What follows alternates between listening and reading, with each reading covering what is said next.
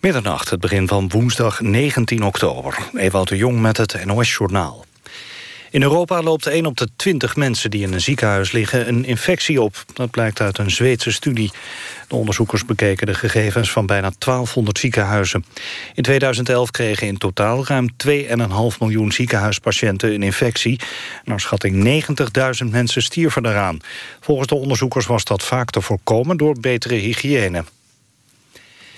In Zuid-Korea is een student uit Groningen vermist. Bekenden zijn een zoekactie begonnen op internet... en ook het ministerie van Buitenlandse Zaken is ingeschakeld. De 20-jarige Jasper Buwalda ging eind augustus naar Seoul... om daar te gaan studeren. Zijn ouders hebben twee weken geleden nog contact met hem gehad... maar daarna is niets meer van hem vernomen. De ouders van de student hebben de Zuid-Koreaanse politie ingeschakeld. Het kan nog wel tot eind november duren voor er weer zware vrachtwagens mogen rijden over de Merwedebrug bij Gorkum. Zaterdag beginnen de herstelwerkzaamheden aan de brug in de A27. Er zitten haarscheurtjes in de draagconstructie. Onderzoek moet nog uitwijzen hoe ernstig de situatie is en hoe lang het gaat duren. Bedrijven die gedupeerd zijn omdat vrachtwagens moeten omrijden worden gecompenseerd. Dat heeft minister Schultz laten weten. In de kanaaltunnel tussen Frankrijk en Engeland heeft het treinverkeer urenlang stilgelegen door een stroomstoring. De oorzaak is nog onbekend. De storing leidde vanmiddag en vanavond tot lange wachtrijden rijen aan beide kanten van de kanaaltunnel.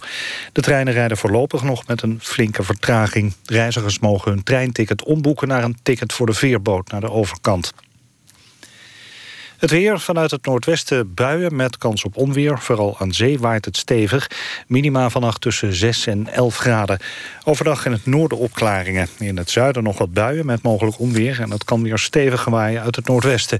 Het wordt 10 tot 13 graden. Donderdag is het grijs en kil met lokale bui. Dit was het NOS Journaal. NPO Radio 1. VPRO. Nooit meer slapen.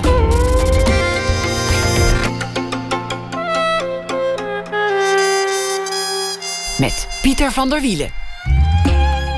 Goedenacht en welkom bij Nooit meer slapen. Het was de man of de vrouw die de foto maakte, maar toch ook een beetje het apparaat, de camera. En wat als je dat toestel van een legendarische fotograaf dan uitleent aan een fotograaf van nu, na ene een verslag van dit project, geïnitieerd door Koos Breukel. Bart Weemhof komt op bezoek, theatermaker bij De Warme Winkel. Hij vertelt over zijn voorstelling De Warme Winkel speelt De Warme Winkel. Ninja Weijers die vat de voorbije dag samen in proza. Zij is in Frankfurt op de boegmessen waar Nederland en Vlaanderen dit jaar centraal staan. Maar we beginnen met Connie Braam. Ik ben Hendrik Witboy is de titel van haar nieuwe roman. Het was ook de ondertekening van de brieven die hij schreef, Hendrik Witboy.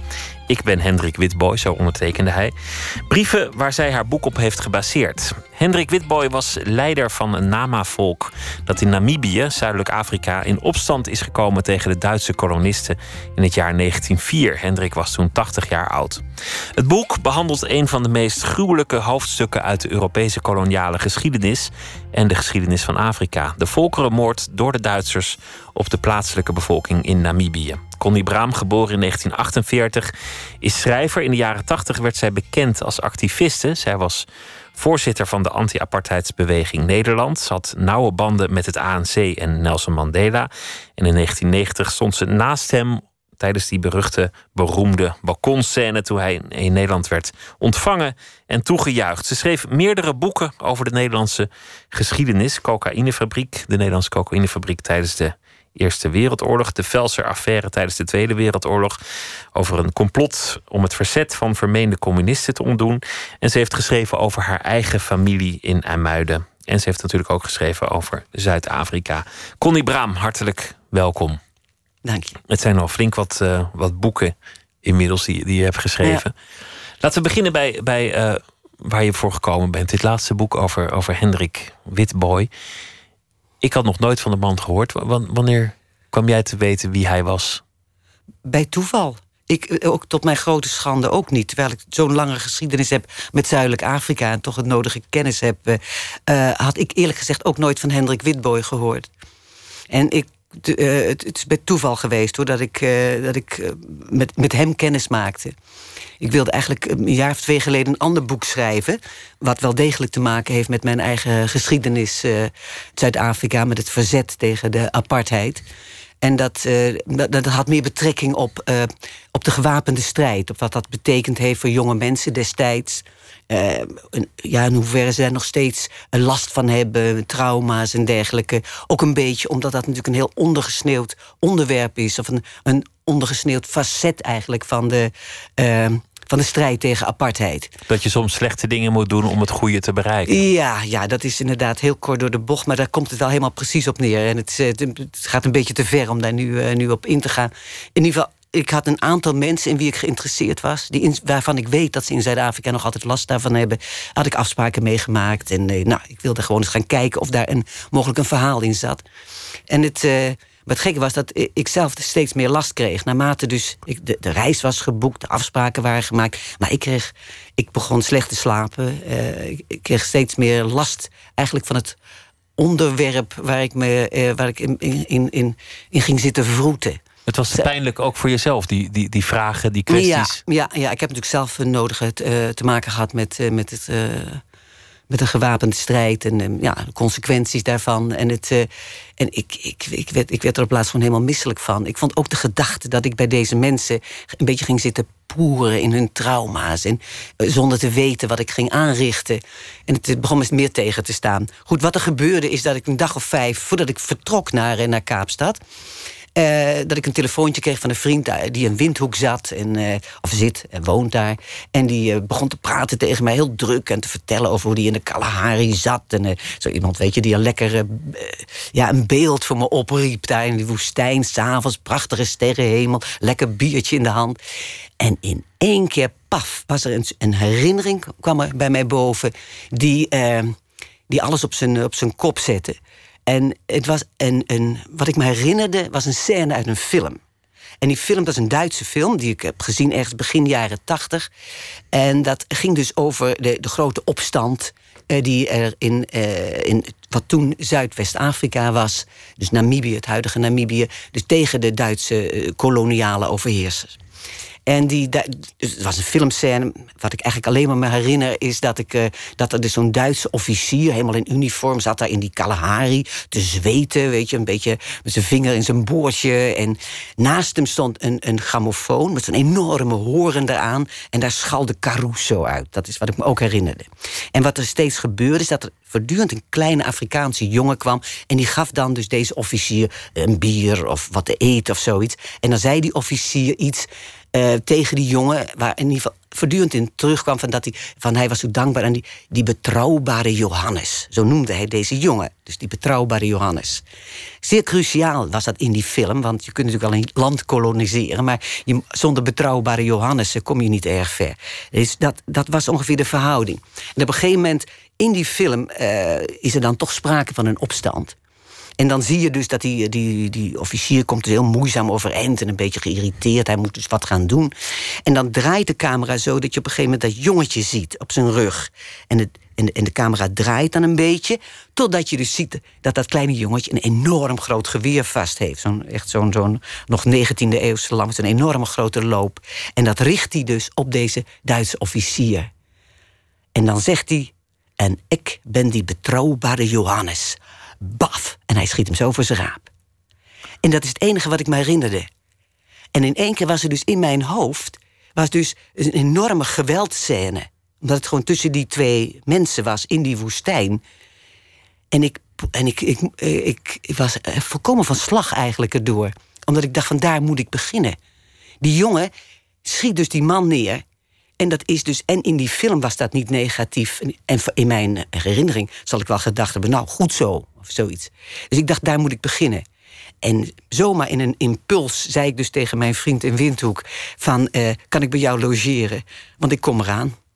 Ik dacht, ik moet daar naartoe, naar dat land. Zo begon toch uiteindelijk dat thema dat jou zo interesseerde: van, van is geweld ja. uh, te rechtvaardigen, ook al strijd je voor de goede zaak. Mm -hmm. Is het, ik bedoel, is het dan toch wel een overeenstemming met, met hoe je wil leven, wie je wil zijn en wat je idealen zijn. Daar gaat het ook over met, met Hendrik Witboy. Laten we um, beginnen met de, de, gruwelijke geschiedenis die, die ook in je boek voorkomt. Een verband dat jij misschien niet zo heel helder legt of niet zo rechtstreeks invrijft, is natuurlijk met de Tweede Wereldoorlog. Dit is 40 jaar eerder.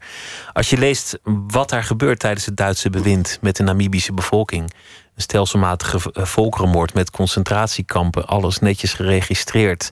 Ehm, dan, dan lijkt het op de een of andere manier bijna een voorbode van wat er later in de 20e eeuw in Europa zou gebeuren. Ja, ja. Ja, dat viel mij natuurlijk ook op.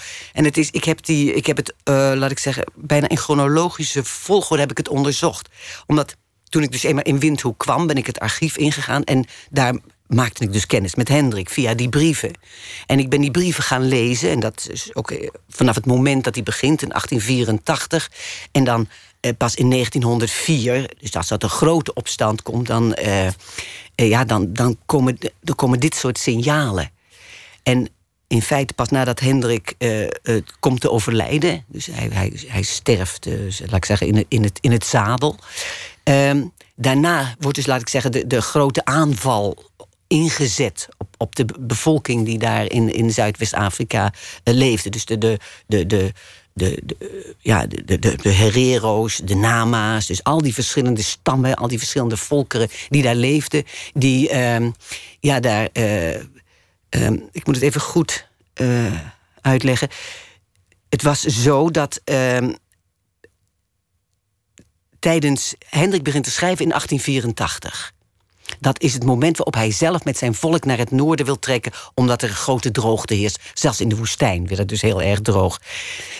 In datzelfde jaar vindt er in Berlijn een conferentie plaats, waarbij dus alle Europese koloniale machten bijeenkomen om Afrika in feite te verdelen. He, natuurlijk was toen ook bekend dat Europa niets was zonder Afrika, waar alle belangrijke grondstoffen zaten. En dat, eh, maar ja, goed, die, ze liepen elkaar allemaal voor de voeten als het ware. En dat moest dus even keurig geregeld worden. Want de, de Britten zaten al in, in Zuid-Afrika. Uh, de Duitsers die, die stapten relatief laat in de koloniale race die hadden hun zinnen gezet op het gebied dat nu Namibië heet. Ja. En die hadden het vermoeden, was hen verteld, dat daar veel uit de grond te halen viel. Grondstoffen, edelstenen, noem maar op. Goud, diamant, koper, alles. Wat trouwens ook uh, werkelijk bleek te zitten. En, dat, uh, en zij wilden dus dat gebied hebben. Maar ja, goed, dat gebied moest natuurlijk onder controle. Moest, uh, ja, ze moesten daar, ze moesten daar ken, kenbaar maken aan de bevolking die daar dus zat, dat zij zichzelf de baas achten. En dat wilden ze, dat wel afgesproken was op die, die vergadering in Berlijn, dat dat op een keurige manier zou gebeuren, weet je. Men zou dus Afrika gaan koloniseren op een nette manier. Er moesten vriendschapsverdragen gesloten worden met dus de bevolking. Met Van, aan de ene kant het bekeren, dus, dus mensen tot de goede God. Ja laten bidden en, ja. en tegelijk ook uh, zorgen dat er handel te drijven viel. Of met andere woorden, dat ja. ze niemand ging zeuren als je in, in de bodem ging boren. Ja, ja, ja, precies. precies. Dat allemaal. Dus de, de zendelingen die als een soort stoottroepen vooruit trokken, die uh, moesten dus het, uh, ja, zorgen dat dus alle, al het heidense geloof, alles, laat ik zeggen, de, traditionele religies allemaal verdwenen. En daarvoor in de plaats moest dus de christelijke God uh, komen. Wat ze heel effectief hebben gedaan. Vervolgens kwamen natuurlijk de, de handelaren, er werden de winkels geopend, moest natuurlijk een economische afhankelijkheid gecreëerd worden. En, maar goed, ergens tussenin moest natuurlijk een Duitse administratie, moest er er moest natuurlijk een, een, een, een gouverneur komen. En, en, ja, en dat gebeurde ook. En dat, dat, dat moment vergeet ik natuurlijk nooit. Dat, toen ik in die brieven ging kijken en ook uh, de, de andere correspondentie die bewaard is gebleven. Toen ik dus zag met wie Hendrik ging corresponderen. Of althans, de, de Duitse gouverneur die met Hendrik ging corresponderen. Toen ik zijn naam zag, dacht ik van mijn hemel. Dit was op dit grens aan het ongelovige. Een bekende achternaam, namelijk Geuring. Ja, ja de vader van. De vader van de latere van Herman, Herman Geuring. Dit was. Heinrich Geuring, die uh, afkomstig was uit uh, uh, het, Emmerich, net over de grens met Nederland. Dus hij beheerste Nederlands.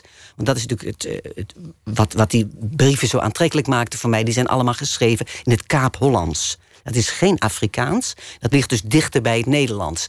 Dus dat, en omdat uh, hij uh, dus gebruik maakte van dat Kaap Hollands, wat oorspronkelijk uit de Kaap komt, uh, dat wisten ze in Duitsland. Vandaar dus dat deze Geuring gestuurd werd, omdat hij in ieder geval kon communiceren. Dus met deze leider, met deze Hendrik Witbooi. De Geuring uh, die heeft een missie, namelijk uh, zorg dat je een akkoord krijgt met al die uh, stammenleiders die, Ja. die daar nu de dienst uit maakten en zorgen dat we zo snel mogelijk aan de gang kunnen gaan. Hendrik Witbooi is maar één daarvan. Die eh, komt aanvankelijk in opstand, maar komt ook uiteindelijk tot een akkoord. En er komt ook een samenwerking en een correspondentie over en weer. En ook een soort begin van vriendschap hier en daar tussen Hendrik Witbooi en de Duitse eh, koloniale machten.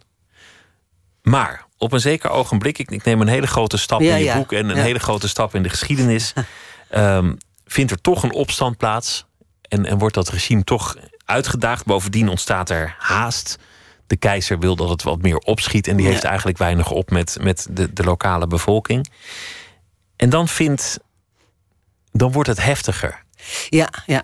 Dat is die, die, die, la- laat ik zeggen, de laatste, de gouverneur die een rol speelt in, in, eh, tot, tot aan 1904. Dat is Leutwein. Dat was, een- laat ik zeggen, ja, een re- redelijk, redelijke man. En die, eh, maar goed, die vertrekt.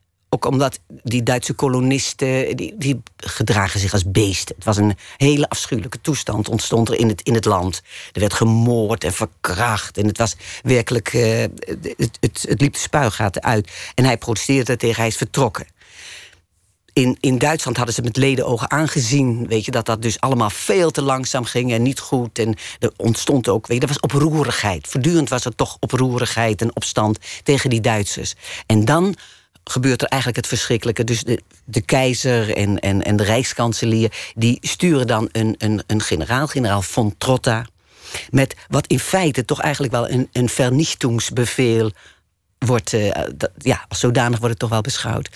En die komt dan daar, eh, en die, die man dat is, die is volkomen ruksigloos. Dat, dat is eh, de enige term die van toepassing is op hem. En hij zet eigenlijk toch wel een, een volkerenmoord in.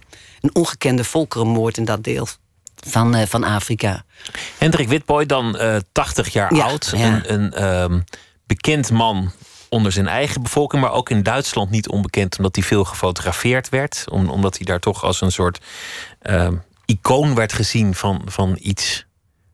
ja, nou ja, hij werd natuurlijk gewoon ook. Hij was, was ook, hij was ook een soort. Een aantrekkelijke figuur natuurlijk. Voor, voor, voor de, ja, dat nieuwe gedoe met die, met die ansichtkaarten. Het sturen van ansichtkaarten van de gevreesde Hottentottenkapitein. Weet je, dat soort eh, onderschriften stonden er dan op die, op die foto's. Dus dat, mensen vonden het natuurlijk reuze spannend om een foto te krijgen van dus een, eh, een gevreesde, zo'n Afrikaanse leider. Het paste wel allemaal naadloos in de, ja, in de propaganda en in, ja, in, in, in de, ja, binnen de heersende in Duitsland in die tijd, die niet bepaald fris waren ten aanzien van eh, Afrikanen. 80 jaar is hij als hij in opstand komt. Ja. Hij, hij ziet in dat het, dat het misgaat met het nieuwe regime en ze komen in opstand. Aanvankelijk ook met, met enig succes. Zeker. Hij, hij zeker. Zou, dat, zou dat zelf niet overleven. Het werd bijna een soort, soort Nelson Mandela van zijn tijd. Ja, Het- het- nou, vind ik wel, ja. Ja, Ja? ja. ja.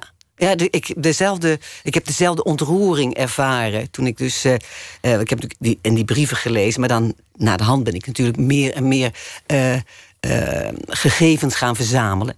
Om, om te kijken of ik het verhaal, dus laat ik zeggen, compleet kon maken. Door ook de andere belangrijke spelers in het geheel eh, eh, te gaan onderzoeken. En en dit, het was natuurlijk een gouden tijd, voor mij althans, omdat het de tijd van de brief en het dagboek was.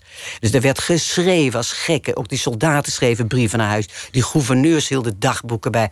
Het was dus bleek dus een, een, een vloed aan, aan eh, geschreven materiaal te zijn. Mits je dat natuurlijk wel kon vinden, want het zit natuurlijk over vrij veel archieven verspreid. Maar door dat allemaal samen te brengen, ook dagboeken van handelaren, weet je, geweldige extra informatie. Door dat allemaal samen te brengen en in elkaar te drukken, als het ware, ontstond er dus, laat ik zeggen, één, ja, toch een, een heel prachtig, uitgebreid beeld over wat er zo door de jaren heen eh, gebeurd is. En Hendrik Witbooi is ook eh, in de Afrikaanse geschiedenis een, een gevierd figuur.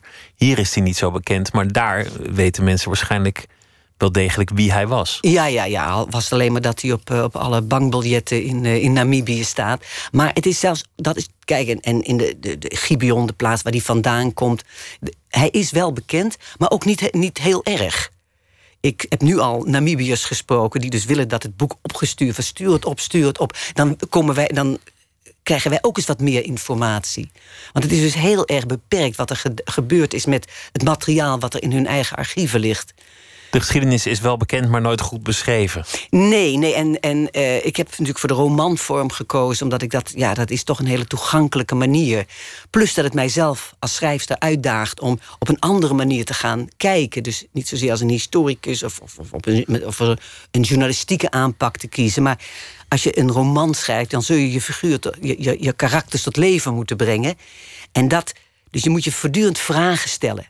Uh, die, die, die, die, waarschijnlijk een, een, ja, een historicus zich niet stelt. Althans, ik ben het ook niet tegengekomen. Ik geef één voorbeeldje. Hendrik verliest op een gegeven moment twee van zijn zoons in, in gevechten. En dat moet iets enorms geweest zijn voor hem. Als je bedenkt, wat het, ja, een kindverlies is natuurlijk heel erg. Twee van zijn zoons. En hij was een man van familie en van zijn kinderen. Dat kun je dus in die brieven zien. Dat zie je in zijn dagboeken. En, eh, en, en als je dat dus en als je eenmaal op dat spoor zit, dat je dus probeert wat ik natuurlijk wilde. Ik wilde weten waarom Hendrik op een gegeven moment toch zijn geweer gericht heeft op die Duitsers en gezegd heeft: En ik ben die betrouwbare Johannes. Weet je, dat is natuurlijk toch waar ik een antwoord op wilde vinden. Ik wilde toch weten waar, waarom. Wat was het, het, keerpunt in zijn uh, denkwereld om toch in opstand te komen? Ja, om niet langer mee te werken. Ja, ja dat, is toch, dat is toch zo getergd en getergd en getergd worden, weet je. Zo, zoveel onbeschrijfelijk onrecht en vernedering aanzien. dat dat is, de eh, geschiedenis eindigt, uh, waar we het net al over hadden, gruwelijk. Met, mm. met een, een volkerenmoord die lange tijd ook een beetje ondergesneeuwd is geraakt. Die, het verhaal is niet vaak verteld. Er is niet zo lang geleden een, studie naar verschenen uh, vanuit de Universiteit van Leiden door Jan Bart Gewald. Er zijn uh, duizenden Herera en, en andere volkeren, leden daarvan, vermoord door de Duitsers mhm. stelselmatig. De, de schedels die zijn uitgekookt. De vrouwen die zijn gedwongen met stukjes glas van soms hun eigen familieleden de laatste stukjes huid eraf te mhm. schrapen. En die schedels die zijn gedeeltelijk naar Duitsland verscheept naar, voor onderzoek. Ja, ja. En sommige liggen nog steeds in, in depots en archieven van onderzoeksinstituten. Ja. ja. dat was natuurlijk voor die, om, om, die, die, die rassentheorieën die al toen al natuurlijk in, dat was toen al in opgang. En, uh, uh, en daarom klopt het ook als je zegt van, weet je, dit was een soort prelude, een soort, soort ja, een, dit, dit, ging aan, aan de, wat er in de Tweede Wereldoorlog gebeurde. Dit ging aan vooraf. Dit leek wel een soort studie vooraf, bijna. Het is moeilijk om het te lezen en niet de parallellen ja, ja, ook te omdat zien. of, of die parallellen er daadwerkelijk zijn, is, is een tweede. Maar, maar als je het, leest... Is, de termen zijn natuurlijk... De concentrationslager, dat, die werden daar ingericht. Uh, de, de, en het werd ook een, een, verschil gemaakt met, met een, een vernietigingskamp. Uh, en een werkkamp en een vernietigingskamp. Eh, de, de, de artsen die werden ingezet om dus medische keuringen... dus de selectie van de zwakkere en de, de sterkere... degene die arbeid konden verrichten en degene die gewoon konden sterven.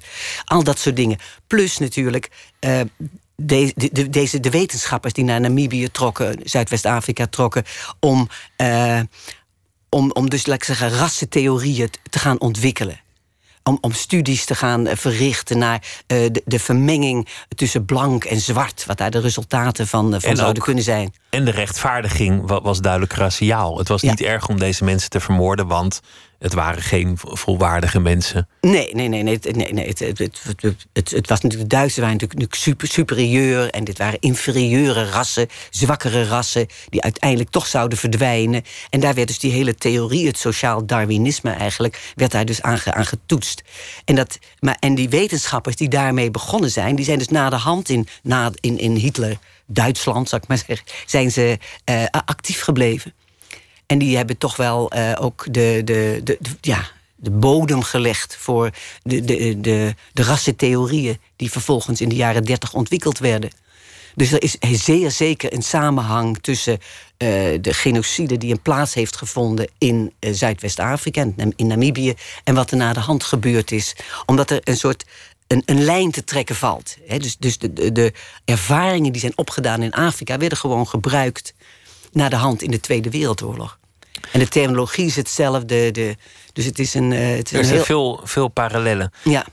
Voor we het gaan hebben over uh, andere thema's die ook in jouw leven en oeuvre spelen, gaan we luisteren naar uh, muziek van Jamie Lydell. En dat nummer dat heet Me and You.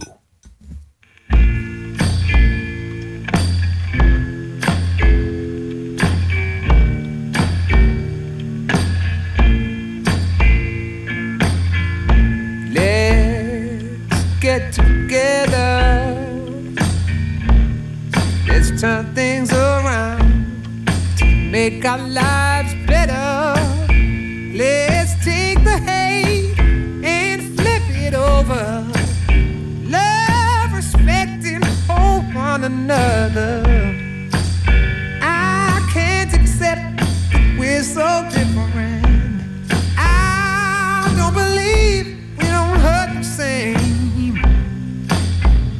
Cause everybody weeps sometimes. Feels the hopelessness of pain. Me and you, me and you, together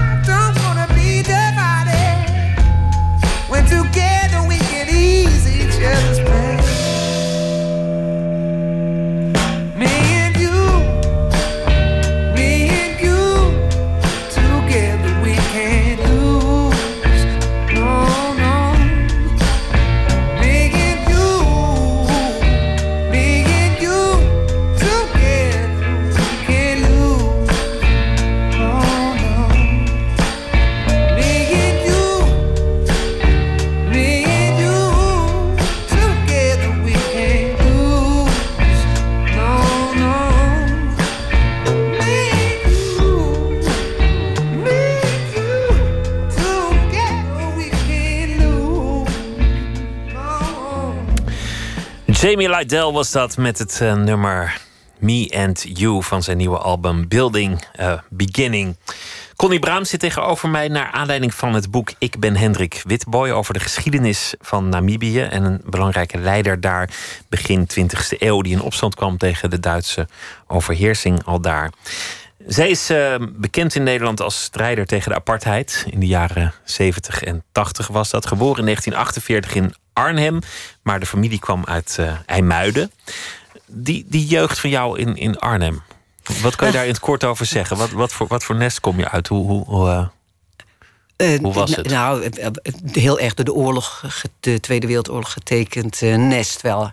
48, ik ben echt in de schaduw van de oorlog geboren. Ook nog in Arnhem, wat natuurlijk helemaal dus zwaar gebombardeerd. En mijn eerste herinnering is ook dat ik met mijn vader bij de aan de, de oever van de Rijn, de rivier de Rijn, dat we daar op een soort tank, dat hij me op een soort tank tilde. Iets van staal en koud. Dat, uh, Die oorlog was, was nog zeer aanwezig. Ja. In welke zin was dat gezin daardoor getekend?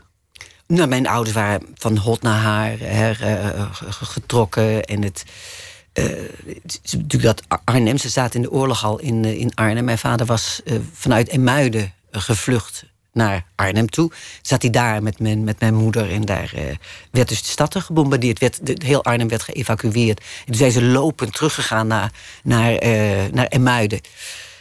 Dus door een, en mijn moeder hoogzwanger en nou ja, alle verhalen. En dan, je hoort vaak natuurlijk van ouders die er niet over de oorlog wilden praten. Bij ons thuis werd over niets anders gesproken dan over de oorlog. En wat voor verhalen waren dat dan? Wat, wat werd er dan gezegd van die was goed, die was fout? Of weet je nog dit? Of? Ja, ja, tuurlijk. Er werd wel. ik wist niet eens dat, uh, dat Duitsers, Duitsers, dat, ik dacht dat altijd dat dat moffen waren. Dat, uh, ik geloof dat ik naar school ging of zo, dat ik dat nog, nog dacht. En Moffrika bijvoorbeeld. Bij Arnhem is natuurlijk vlak, uh, vlakbij. Dat, uh, dat werd met zoveel ontzettend afschuw werd daarover gesproken. En, en dan gingen we natuurlijk in de zomer op vakantie naar Muiden en zo. En dan gingen we naar het strand. En dan, mijn vader was dan heel nerveus. Want oh wee, als er dan... Want er kwamen natuurlijk Duitsers, weet je. Duitse toeristen. Het was, en die kuilen, dat is ook echt zo. Dat ze allemaal een kuil gingen graven. En, uh, en als er dan één kwam met, met een been eraf of een arm eraf... nou, dan kreeg mijn moeder gewoon bijna een aanval.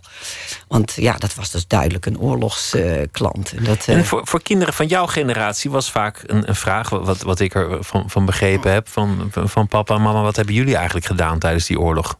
Ja, ja, nou... Ik had, Stelde jij die vraag van, van of, ze, of ze in het verzet waren geweest... of ze, of ze je, genoeg ja, hadden gedaan? Nee, nee, niet in dat opzicht. Nee, het was voortdurend, hadden ze, mijn, zeker mijn vader... dat alles wat hij gedaan had, raakte daar voortdurend aan. En, en dan was er ook nog eens een keer ome Bertus. Ome Bertus had zwaar in het verzet gezeten. En dat, was, dat maakte dus een hele hoop uh, goed. En het... Uh, nee, het was wel, er zat heel veel pijn en, en verdriet. En, het, uh, en ik luisterde gewoon enorm. Enorm naar, naar die verhalen, weet je. En ik, en ik praatte daar ook over was op school of in de klas of zo, weet je. Dan ging het over iets anders en dan moest je je vinger opsteken of zo. En dan stak ik ook mijn vinger op. Maar dan begon ik dus daarover wat mijn ouders me verteld hadden. Het klinkt bijna alsof ze een trauma hadden. Ja, zeker. Oh, zeker. Allebei. Allebei. Ja, ja. En ik, maar het waren ook heel ze waren ook wel slachtoffer. En toen, laat ik zeggen, in de jaren zestig, eh, weet je, toen dat. Um, toen er natuurlijk een generatie op stond die, eh, die, eh, die opstandig werd. Weet je, dat die, die jaren 50 was gewoon vreselijk. En ook nog eens in Arnhem, weet je, waar ik zat. Dat burgerlijke truttigheid, de, de, angst ook in, weet je. Niet opvallen, niet opvallen, weet je. Dat was eigenlijk bij ons het motto thuis. Van gewoon in huis blijven, gordijnen een beetje dicht... en dan praten over hoe erg het vroeger was. En dan zorgen dat je niet opvalt, want anders dan, uh, dan kan er van allerlei akels met je gebeuren. En dat was heel erg, in, ja, dat is niet in hoe ik in elkaar zat. En hoe ben je weggekomen? Want je zei, toen kwamen de jaren 60 ja, ik wilde weg. Ik wilde weg. Ik begon weg te lopen en dan weer terug en weer weglopen. En, uh, en op school de moeilijkheden. Het was echt heel erg akelig. Ook heel veel, heel verdrietig voor mijn vader, weet je. Echt zo sneu. Ik was de enige dochter, zijn oogappel, weet je. En dan zo'n lastige klant. En die ging dan weg zonder iets te zeggen? Ja, echt. Ik was gewoon helemaal... Ik wilde gewoon weg, weg, weg naar Amsterdam. Want ik wilde schrijven, tekenen en... Uh, en ik was zo onnozel als maar kan, weet je. Ik was geloof ik 15, 16 en toen ben ik er toch echt helemaal van doorgegaan.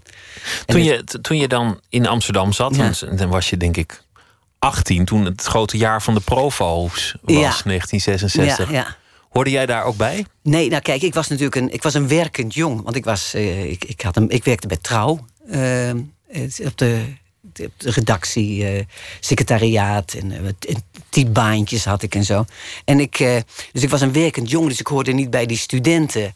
En, en ook niet bij die provo, dat natuurlijk helemaal toch uiteindelijk een heel gesloten beweging was. Daar kon je als Arnhems meisje, en ik praat ook nog een beetje zo. Dus dat kon je, kon je al helemaal niet bij. was je, je was te keurig voor, voor de grote opstand van je nee, generatie? Nee, ik was zeker niet te keurig. Ik was gewoon een outsider. En ook nog een keer, weet je, ja, ik was een meisje. Weet je, dat, uh, dus ik, ik, liep daar gewoon een beetje uh, rond te snuffelen. Het grote geluk was dat ik bij het Dagblad Trouw werkte. Maar wat deed je dan in je vrije tijd in Amsterdam? De, de jaren zestig, de stad staat in brand. En, en jij, jij met, nou, ja, met je mantelpakje, je Arnhems accent. Mm, ja, nou, ja, ik liep daar dus rond. Nou, niet meer in een mantelpakje hoor. Dat was alleen maar om weg te komen. maar ik, had, ik was inmiddels... Uh, ik, ik, ik kleurde wel mee met de omgeving uh, tegen die tijd. Ik had een grote lange zwarte paardenstaart en, uh, en een spijkerbroek aan en een leren jackie. Dat weet ik nog heel goed. Dat was me heel belangrijk voor mij om een leren jackie te hebben.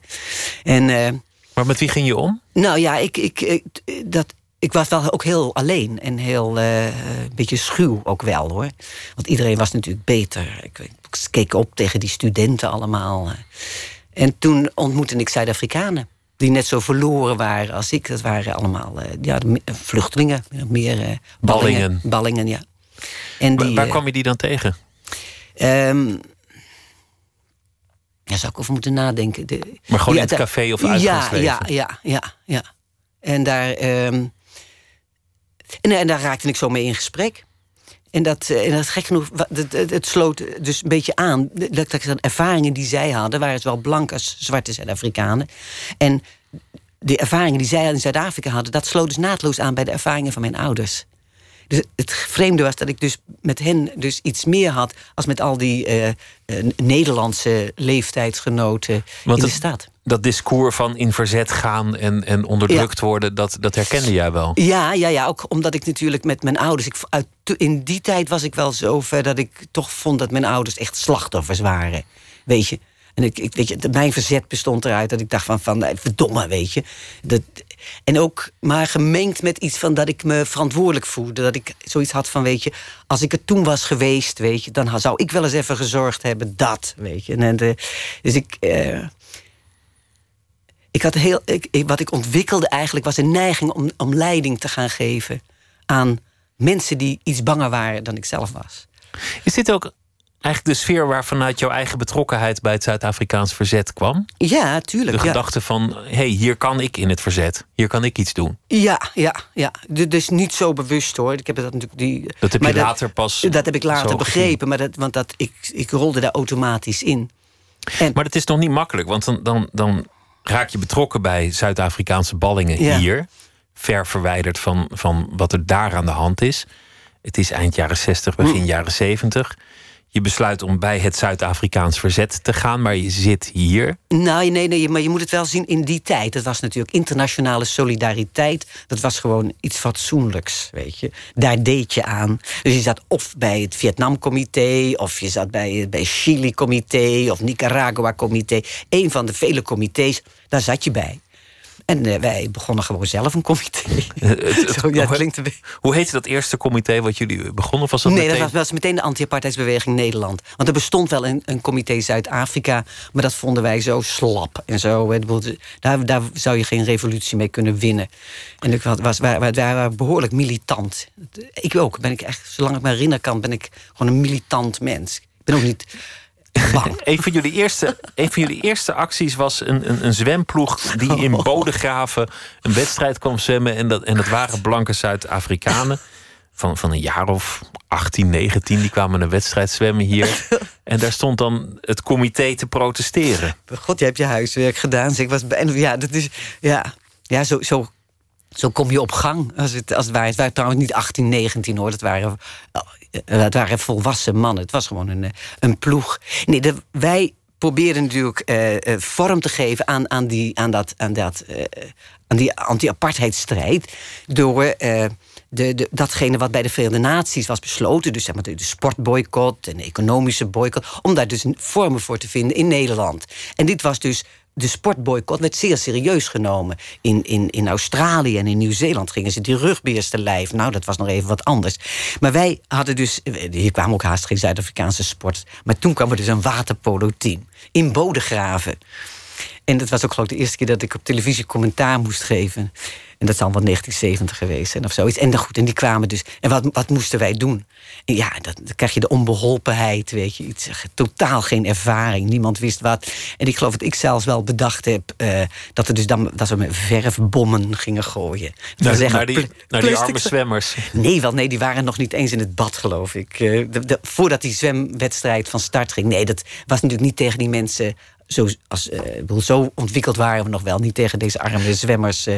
We kunnen er makkelijk kolderiek over doen, want achteraf heeft dat iets, iets kolderieks. Maar later werd, werd jullie rol serieuzer Mm, en, ja. en, en, en eh, ook gevaarlijker in, be- in bepaalde opzichten. Een van de, de projecten waar jij bij betrokken bent geweest, en daar heb je ook eh, over geschreven, dat, dat Mm. heette Operatie Vula. Dat was om die dissidenten terug Zuid-Afrika in te smokkelen.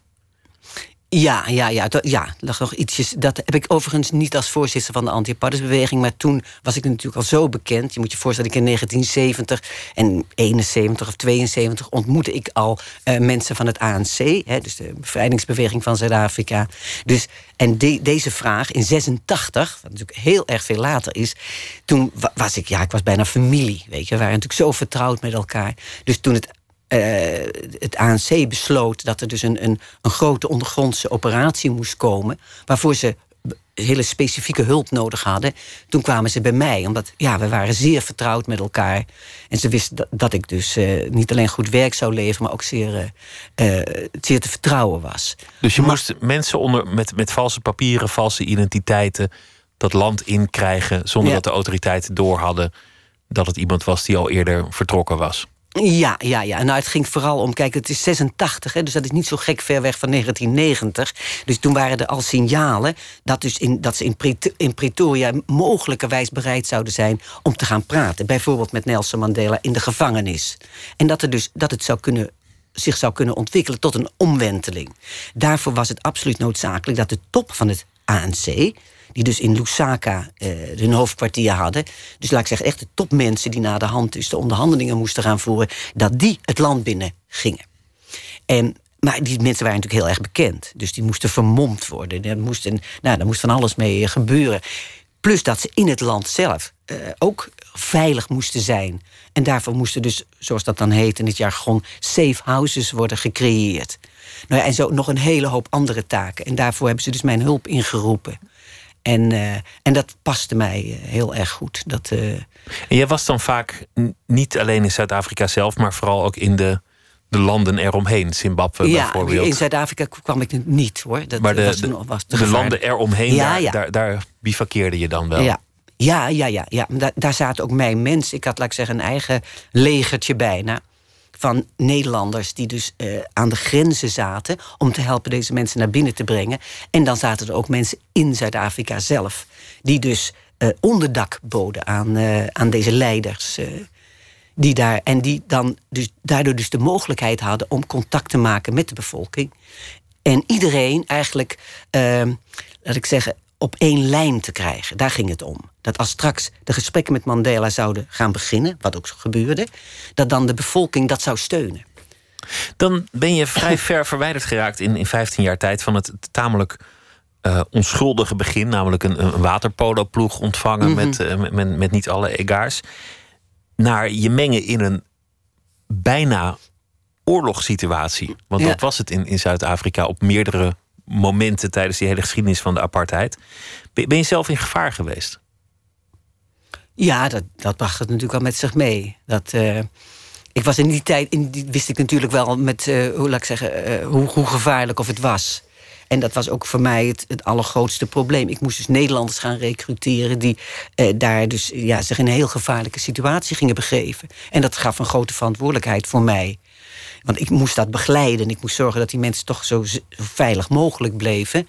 En dat ze, maar dat ze ook heel goed wisten waar ze aan begonnen.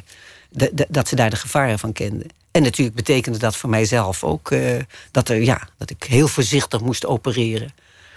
Je hebt wel eens gezegd dat, dat er uh, een plot moet zijn geweest om jou te vermoorden. Ja, ja. Of meerdere? Meerdere wel, ja. ja. Dat is na de hand natuurlijk toen de, de waarheidscommissie... Uh, onder leiding van bischop Tutu uh, geïnstalleerd werd... toen kwamen dat soort dingen wel naar, naar boven toe. Eén keer iets met een, met een jasje dat, dat voor je klaar ja. hing in, in Zimbabwe. Ja, ze hebben een paar keer geprobeerd om mij om te brengen. En dat, met gif? Eén keer met een bom. En die ik onschadelijk heb gemaakt. Ik, ik, als ik er nu aan terugdenk, begrijp ik het gewoon niet. Weet je, hoe ik dat allemaal gewoon... Dat deed ik allemaal. En om de een of andere reden raakte het me toen niet heel erg. Want het stoorde me niet zozeer dat ik mijn werk niet kon doen pas toen het voorbij was, toen, uh, toen kreeg ik er wel heel erg last van. Nee, en ze hebben geprobeerd me te vergiftigen, waar ik wel heel veel last van heb gehad. Maar dat... In de zin van huiduitslag of, uh, of, of, misselijkheid? Of, uh, nee, nee, nee. nee. Dat was wel wat erg. Nee hoor, nee, dat, er zijn heel veel slachtoffers van geweest. Nou, een hele grote tentoonstelling in Zuid-Afrika over deze. Het is natuurlijk een chemische oorlogsvoering, daar valt het onder. het is een gif wat via, wat is, door kleding, doordat je die kleding draagt, komt dat gif via je huid in je bloed uh, terecht. Er zijn ontzettend veel mensen aan uh, dood gegaan, uh, door omgekomen. Er zijn een paar overlevenden van. Dominee Frank Sikane in Zuid-Afrika. ik ben er één. Klaas de Jonge is, heeft, heeft ook. en dat is dus dat is dodelijk op zich. En dat, Frank Sikane had dus het geluk dat hij, dat hij die kleding aan had toen hij onderweg was naar Amerika. En dus in de, in de Verenigde Staten uh, behandeld is in een ziekenhuis. En ik heb het gewoon tekort aangehad. Uh, om, opdat het uh, dodelijk was. maar het is wel dus in mijn, het zit in mijn lichaam. En degene die dat gif heeft samengesteld... dat is een... Basson heet die man. Dat is een, een, een hartchirurg. En die had een laboratorium waarbij hij dat gif dus uh, maakte.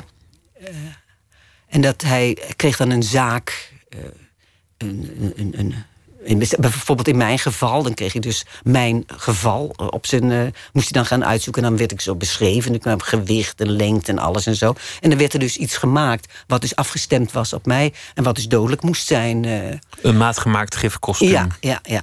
Intussen werden jullie ook, want het was ook de tijd van de RARA. Uh, geschaduwd door, door de BVD. een, een spannende tijd. Ik merk als je erover praat.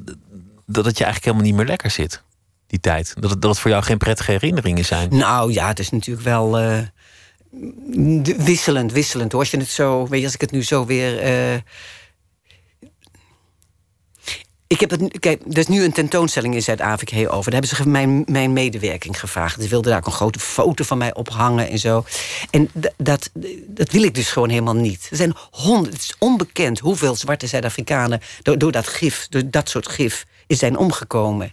Maar ik ben natuurlijk, weet je, ik ben leuk op een tentoonstelling. Ik ben een blanke vrouw. Uh, de foto's die we willen gebruiken is een hele leuke foto van me en zo. En dat stuit me tegen de borst, weet je. Ik, ik, ik heb het overleefd. Het is een risico wat ik genomen heb.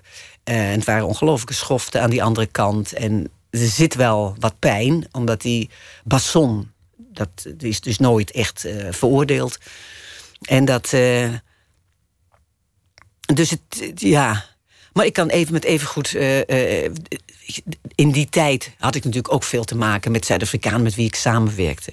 Wat onwaarschijnlijk leuk was. Waar we vreselijk gelachen hebben. En ook wel eens wat te veel gezopen hebben. En lekker veel sigaretjes hebben gerookt. En, weet je, en een paar liefdes onderweg en een, feestje. Ook nog, ook nog, dat kon allemaal. Weet maar is, zijn, zijn er, is er toch een soort... Um, misschien is trauma een groot woord, maar, maar Jawel, iets, iets is achter, wat, ja, is dat achtergebleven. Ja, ja, ja, dat speelde natuurlijk ook toen ik uh, uh, terug wilde naar Zuid-Afrika om met mensen te gaan praten die, uh, ja, die, die dus aan het, in het, aan het verzet hebben deelgenomen in het land zelf. Wat natuurlijk wel wat toch nog weer van een andere orde was. En dat, dat met die mensen willen gaan praten is natuurlijk eigenlijk ook een beetje zoeken naar mensen die soortgelijke. Dus het is, het is niet eens zozeer laat ik zeggen, dat er op een gegeven moment iets tegen jou wordt ondernomen. Dat ze proberen je fysiek te beschadigen, om het zo maar te zeggen. Het is de. Ik heb vijf jaar lang onder enorme stress toch geleefd omdat je gevolgd werd en dat, dat je ja, achterom moest kijken. Ja, en de verantwoordelijkheid voor die mensen. Voortdurend, weet je, sterk blijven. Dus ik moest de sterke zijn. Weet je. Ik was als een soort, bijna als een generaal. Weet je. Ik had, en deze mensen die waren van mij afhankelijk. Ik kon nooit zwak zijn. Ik kon Eigenlijk nooit... was je in iets terechtgekomen dat, dat misschien wat groot voor je was. Nou, ja, nou dat, dat vonden ze degene met wie ik samenwerkte niet. Nee, ik, ik kon het aan. Ik kon het aan. Alleen toen het voorbij was. En dus die stress viel in één keer weg. Er was geen vangnet. En er was dus ook niemand met wie ik. Dat krijg je dus een dan krijg je er een beetje wat. Uh, ja, mensen in, uit oorlogssituaties ook hebben. Soldaten ook hebben die dus in, in oorlogsgebieden hebben gezeten. Interessant thuis. Dat, dat je in die zin ook in, in de voetsporen van je ouders bent getreden. Ja, ja, ja. Dat je nu ook met, een, met een soort, soort trauma zit. Ja, ja. Alleen, ik ben wel een strijdster. Ik ben geen slachtoffer. Ik ben een strijdster. Je, je begon ermee dat het eigenlijk het thema dat je interesseerde toen je dit boek ging schrijven was: hoe ver moet je gaan voor je idealen? Je, hebt, je staat aan de goede kant, maar moet je slechte dingen doen om het goede te bereiken? Ja, ja, ja dat is een constante afweging. Het heel, wat heel belangrijk is, is dat ik te maken had met een hele sterke politieke beweging, het ANC. Waar dus zeer sterke, goed ontwikkelde mensen. Eh, die, die juist over dit soort dingen heel erg goed nadachten. En, en discussieerden. En ook met mij spraken. Dus je was niet alleen daarin. Ik nam niet alleen beslissingen. Er werd dus. Uh, uh, daar werd over gesproken. En er werden afwegingen gemaakt. Ik mocht ook zelf zeggen. Ik heb altijd gezegd: ik wil niet dat mijn mensen wapens dragen omdat, namelijk, eh, omdat het natuurlijk ook gevaarlijk was. Mensen konden ook hun Nederlanderschap kwijtraken. als ze zich actief in een gewapende strijd zouden mengen. En daarbij, ik, dan raakte het buiten mijn zicht. Dus maar, maar lukte dat om, om het zuiver te houden? Of, of lukt het om dit soort, dit soort idealistische afwegingen te bewaren in dat conflict? Ja, nou, dat betekent dat ik... geen wapens of, of dit doen wij niet. Ja, nou, ze gaven mij wel gelijk. Dat ik dat, dat, ik dat, uh, uh, dat, ik dat als grens stelde. In woord? Ook, ja, dat vonden ze ook juist. En de mensen met wie ik, kijk, in enkele gevallen hebben dus Nederlanders die, die met mij werkten, hebben dus ter plekke besloten dat ze dat wel wilden doen. Of dat ze wel wapens wilden uh, verbergen of iets, of iets dergelijks. Dat was een keuze die zij daar maakten. Um, dus dat. Uh, uh, Is, is het gelukt? Is, is dat iets dat jou nu lekker zit? Of zijn, zijn er toch, zit, zit er toch ook nog pijn achter die vraag? Ja, ja, eh, dat hij bedoelt of wat, die wapens eh, be- betreft. Nou, Dat- wat, wat je zei van, van in hoeverre is geweld gerechtvaardigd, is dat, is dat een vraag die jou ook emotioneel raakt? Is dat een pijnlijke vraag om, om te benaderen voor Ja. jouzelf? Ja, ja, ja. De ANC heeft natuurlijk een ontzettend keurige strijd eigenlijk geleverd. Toch op de eerste plaats een politieke strijd. Daarmee hebben ze het ook gewonnen. Want het- dat is wel heel aardig, omdat je net begon over die, eh, over die waterpolo'ers. Maar het zijn- is dus, laat ik zeggen, die wereldwijde boycott van Zuid-Afrika. Die dus door. Want er waren ongelooflijk veel anti-apartheidsbewegingen over de hele wereld. Dat was, daar was de Verenigde Naties absoluut geweldig in. Om die overal te helpen opzetten, samen met het ANC. En die, dus die boycott heeft, heeft, heeft Pretoria uiteindelijk genekt. En die gewapende strijd was een, een, een klein onderdeel daarvan. En daar zijn ook wel dingen misgegaan. Dus zoals dat, eh, ik de, de, de, eh, heel lang was het zo dat er dus geen... eh, er mocht nooit iemand eh, gedood worden. Er mocht, mocht niemand eh, omkomen. Het moest, altijd, het moest altijd op sabotage. Een soort sabotageacties zijn. Dus gericht tegen, weet ik veel, elektriciteitsgebouwen of... nou, enzovoort. Maar Dus dat, dat is toch uiteindelijk niet echt gelukt? Jawel, jawel. Er zijn heel weinig, eh, relatief heel weinig slachtoffers gevallen door, door, eh, door het gewapende verzet in Zuid-Afrika. Maar er, zijn, eh, er is één geval wat mij dus heel erg. eh, wat, wat mij interesseerde. Dat is een jongen, Robert McBride. en die heeft een, een bom geplaatst. En die bij een, een, een nachtclub waar dus soldaten en politie, vooral veel politie. Dus Zuid-Afrika geheime dienstpolitie hoor. Echt, echt wel heel, heel, heel afschuwelijk volk. En die heeft daar dus die. eh, en die bom is afgegaan op een verkeerd moment. En daar zijn toen een aantal, ik weet niet meer precies hoeveel, maar een aantal mensen bij omgekomen. En ik weet dat die jongen daar dus, buiten dat hij hij is gepakt. En heeft een eh, afgrijzelijke tijd gehad. En Mandela heeft hem uit de gevangenis gehaald, om het zo maar te zeggen. En hem ook in ere hersteld. Dat is toch een van de weinigen die dus zo'n zware klap heeft gekregen. En. En hij vervolgens zijn hele leven heeft in teken gestaan van dus die ene fout die gemaakt is daar. En dat, vond, dat interesseerde mij. Ik wilde met hem gaan praten. Die geschiedenis die, die, die was voorbij. Het was 1990, Mandela werd vrijgelaten, kwam naar Nederland. Jij, jij stond naast hem op dat balkon. 1994, het ANC kwam aan de macht. Toen ben je andere dingen gaan doen. Je, je hebt op een zeker ogenblik een beetje dat losgelaten. Je, je bent niet ehm, mee blijven doen met ANC. Je bent ook niet op allerlei vieringen gekomen. Je, hebt- je hebt eigenlijk een beetje gezegd: oké, mijn strijd is geleverd, ik ga andere dingen doen. Het schrijven is, is toch veel Ja. meer jouw beroep geworden. Is schrijven voor jou ook een vorm van activisme? Ja, ja, ja, ik ben natuurlijk heel erg eh, getekend door de jaren eh, eh, bij de anti-apartheidsbeweging. En waarschijnlijk ook, ik bedoel, dat heeft ook te maken met uit het nest waar ik uit voortkom. Dus alle boeken hebben dat, hebben dat wel inzicht door onrecht. En, ja, Onrecht in een boek, ja, een ja, verhaal dat verteld moet worden. Ja, ja. Een ja. zekere verontwaardiging is ook vaak het motief om, om iets te schrijven. Ja, ja, ja, ja. Dat vind ik ook eh, vind ik een hele goede voedingsbron, weet je. Gewoon eh, het kwaad zijn of verontwaardigd te raken over wat er gebeurd is. eh. En het is natuurlijk, ja, het is. ehm, ik heb altijd een heel sterke band met mijn vader gehad. Dus dat, laat ik zeggen, dat verdriet van mijn vader, wat hij over heeft gehouden aan die oorlog, dat, ja. Ik, ik heb het weer teruggevonden toen ik het boek schreef over de woede van Abraham. Dus mijn bedovergrootvader. Die Het daar dus- eerste van drie delen over de, de geschiedenis van jouw familie ja, IJmuiden. ja, ja, ja, ja. En ik heb schijnbaar iets met oude, oude mannen. De, de moeder van. Abraham, ja, ook zo'n 80-jarige man. Ja, dus die, dus het, de combinatie van verdriet en verzet. Dat, dat is iets wat. eh, En dat zit ook heel erg in, in het boek over Hendrik Witbooi. Ja, die, die, ja. die, die verontwaardiging van... er liggen schedels in een, in een West-Europees land... als sporen van een genocide... en het verhaal wordt amper ooit verteld. Ja, ja, ja, ja. En maar het, vooral, eh, ik zeg, het verdriet wat ik. doordat ik eh, zo vertrouwd raakte met hem via al die brieven en, en al het materiaal. En ook omdat ik me natuurlijk in hem moest. Ja, ik moest in hem kruipen om dat boek te kunnen schrijven. En dat, ja, dat, dat verdriet, hij wil helemaal niet. Het is toch een opa van 80 jaar die met zijn kleinkinderen wil spelen en verhalen wil vertellen. En dat, en dat dus dat. Eh, maar dat, ja, de onmogelijkheid daarvan. En dan toch gewoon het, eh, het, zich, het feit dat hij zich realiseerde dat hij dus de capaciteit had om voorop te gaan lopen. Om dat, al die losse volkeren, om die allemaal te verenigen. natuurlijk ook tot één vuist te maken. En zo op te trekken tegen die Duitsers.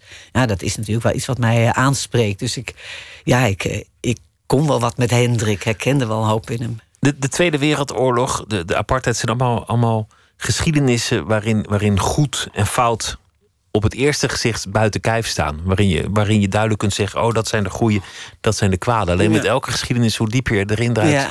hoe moeilijker dat wordt. Tuurlijk, tuurlijk. En ook hoe interessanter het wordt. En hoe beter je begrijpt van hoe het in elkaar zit. Dat is ook met al die Duitsers in dat verhaal. Eh, ja, die, die ik net noemde, die Lloydwijn, dat is een heel redelijke man geweest. Die, die, die van Trotta, dat is gewoon een, de slager. Wat was dat.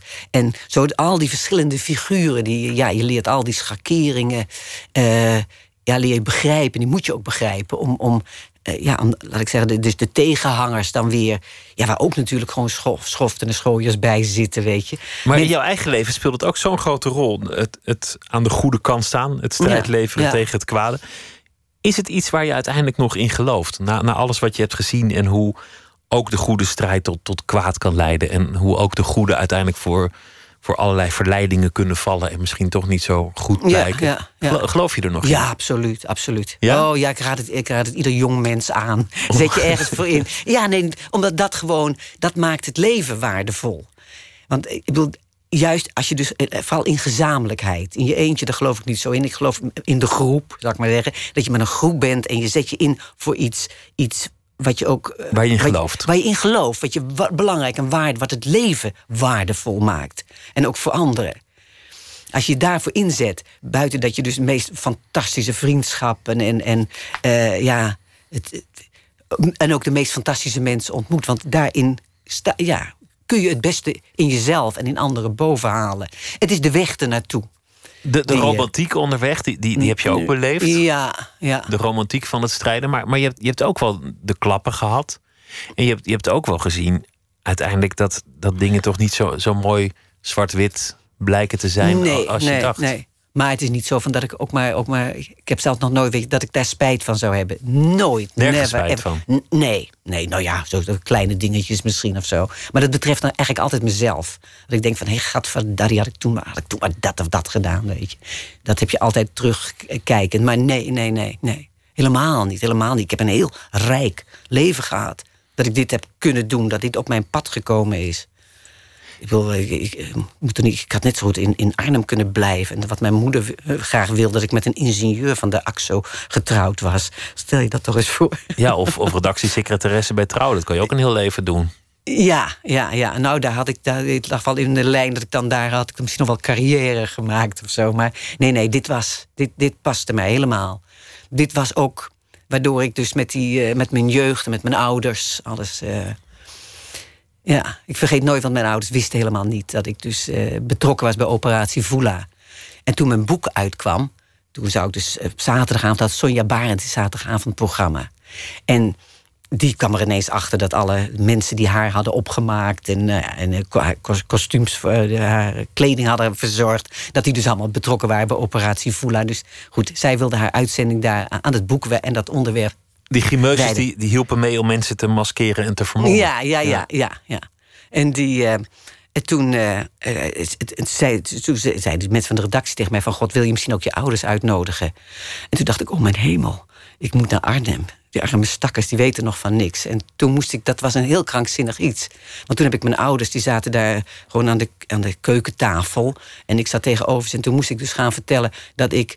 Eh, wat ik gedaan had in die vijf jaar, wat ik nooit iets over had gezegd. En toen waren ze, mijn- waren ze trots toen, toen je toch ook in het verzet bleek te zitten? eh, Ja, nee. En, en mijn, mijn, mijn, moeder zei, eh, mijn vader zei van... en je bent dus helemaal vrijwillig een oorlog ingegaan, zei hij. En dat was dus... Mijn moeder was gelukkig alleen maar... toen Sonja, naam Sonja Barend viel van... wat moet ik aan? Maar daar had je vader ook best een beetje gelijk, toch? Ja, ja, zeker, zeker. Ja, ja. Nee, hij was wel, wel, wel trots hoor, maar hij klapte ook helemaal een beetje dicht. Van waarom eh, zou iemand dat doen? ja, ja, dat vond hij toch wel heel. eh, en ook zo ver weg. En, en, dus dat moest wel. Ik, hij had natuurlijk ook heel weinig kans gehad om. om, ja, om ik had nooit met hem erover gepraat. Dus om, om het helemaal te kunnen begrijpen. Maar ik heb het wel. Voordat hij doodging, heeft hij het gewoon goed begrepen. En was er ook wel, eh, wel instemming. Ja, ze hebben natuurlijk gezien toen, dat, toen Mandela. Eh, ja, Daar de stond. gevangenis daar stond. Ja, ja, ja. En dat, eh, Nergens spijt van en een rijk leven gehad. En inmiddels ook een flink oeuvre. Connie Braam, dank je wel. En het boek heet Ik ben Hendrik Witteboy. Dank je wel. Oké, fijn. Zometeen gaan we verder met Nooit meer slapen. Twitter, het VPRO NMS. En we zitten op Facebook. En we hebben een podcast down te loaden via de website van de VPRO. VPRO.nl slash Nooit meer slapen. Op Radio 1. Het nieuws van alle kanten.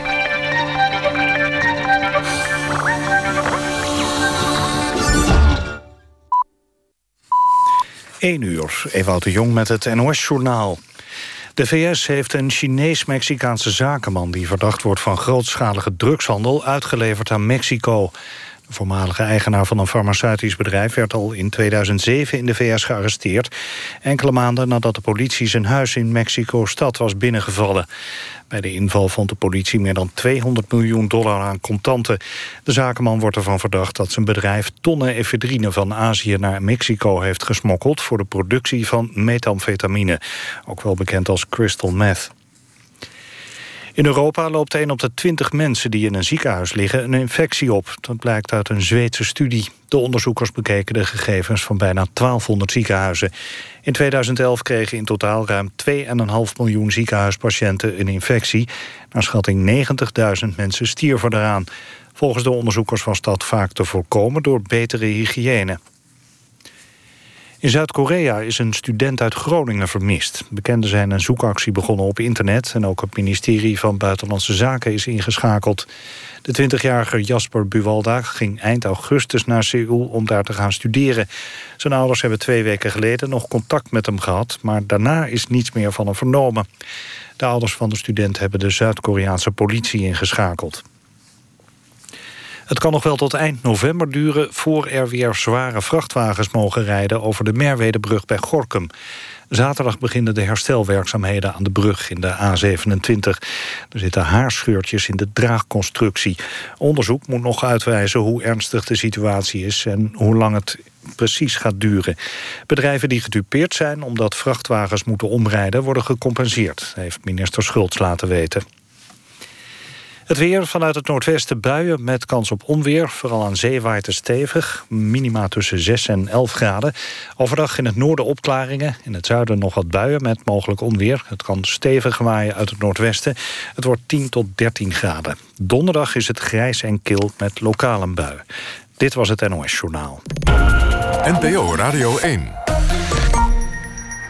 VPRO.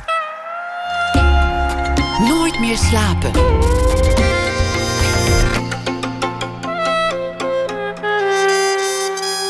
Met Pieter van der Wielen. Zometeen komt acteur Wart Weemhoff langs. Hij staat op het eh, ogenblik in de voorstelling De Warme Winkel speelt De Warme Winkel. En hij heeft ook een eh, voorstelling die op tournee gaat, Privacy. Verder aandacht voor de camera van Jacob Olie. Wat gebeurt er met een hedendaags fotograaf als hij de camera van een beroemde voorganger in handen krijgt? Het is de week van de Frankfurter Boegmesse, de grootste boekenbeurs ter wereld. Dit jaar zijn Nederland en Vlaanderen gastland. Een van de aanwezige auteurs is Ninja Weijers. Deze week zal ze elke nacht een beschouwing maken bij de voorbije dag. En dat doet ze dus vanuit Frankfurt. Haar eerste boek heette De Consequenties, is reeds vertaald in vijf talen. En misschien dat er nog meer landen zich aanmelden al daar in Frankfurt. Ninja Weijers, goeienacht. Goedenacht, hallo. Gisteren vertelde je al dat je eh, in Frankfurt bent deze week vanwege de boegmessen. Nederland is daar eh, speerpunt en gastland. Nederland en Vlaanderen proberen de letteren te verkopen in Duitsland aan de rest van de wereld. Hoe was het daar vandaag? Ja, het was, eh, het was een. we moesten er vandaag zien te raken met z'n allen. En, en de boel werd geopend. En ehm, het, was, het was inderdaad niet minder groot dan mij was eh, voorspeld. Eh, iemand vertelde me inderdaad dat het echt 17 keer de raai was. En dat is denk ik wel waar. Zo enorm is het. De hele wereld, iedereen die iets met boeken doet, is daar aanwezig. Ja, ja, het is echt gigantisch, ja. Ja. Dus, ehm, dus dat. En Ja, daar heb ik iets over geschreven. Dus dat, eh, Dat kan ik je gaan voorlezen, als je dat wil. Nou, dat wil ik heel graag. Ga je dat gang. heb ik zo heel, heel slordig met pen en een schriftje gedaan, want het moest er allemaal tussendoor. Dus ik hoop dat ik mijn eigen handschrift kan lezen. Dat is spannend. Ga je gang.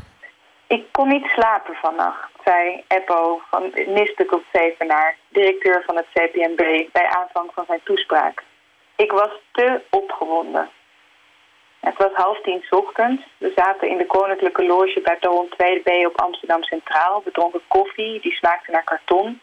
We hadden onze koffers afgegeven, onze jassen ergens opgehangen. We voelden ons nog half verkreukeld, maar die malle Eppo werkte eerlijk gezegd nogal aanstekelijk op ons humeur.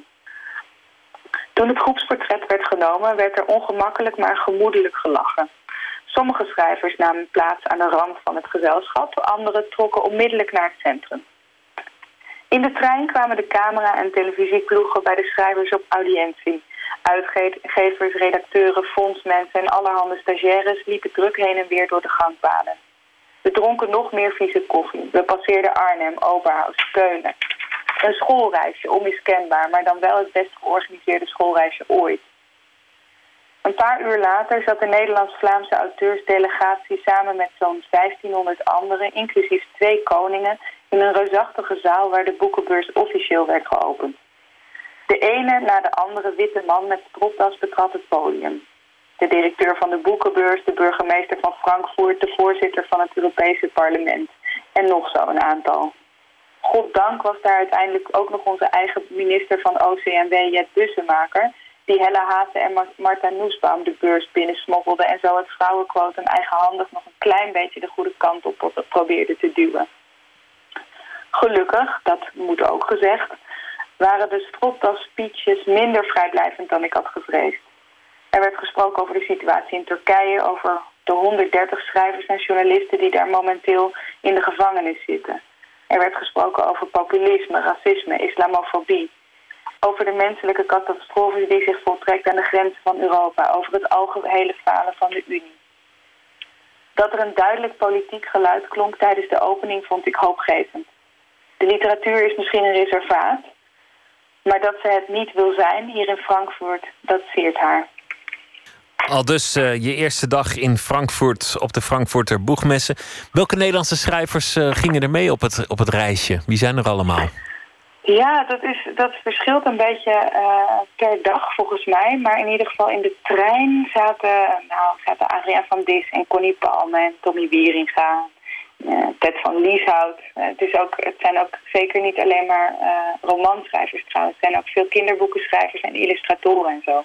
Dus dat is eigenlijk wel heel leuk, vind ik. nou, dat is toch een, een, een ja. prima gezelschap waarin je hebt uh, verkeerd vandaag en uh, zult verkeren deze week. Zeker. Ninja Weijers, dankjewel en heel veel plezier en een hele goede nacht. Jij ook.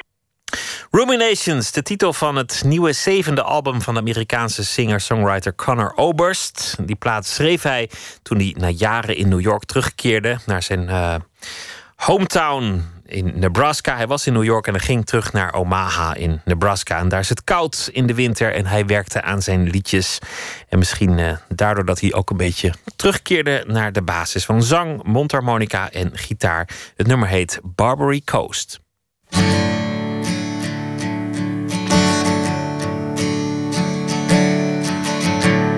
There's a dance hall there where the sick folks go. like the olden days on the Barbary coast. There's a barefoot child playing in the rain.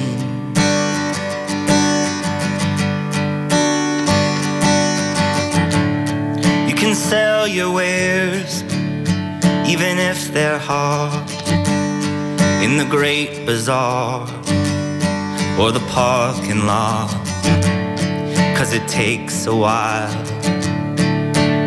to know who to blame.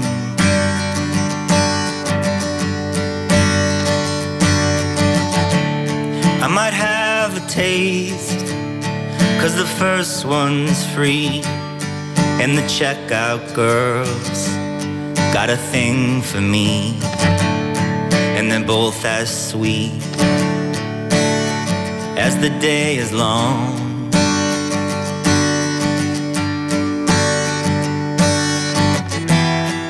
I don't wanna feel stuck, baby. I just wanna get drunk before noon.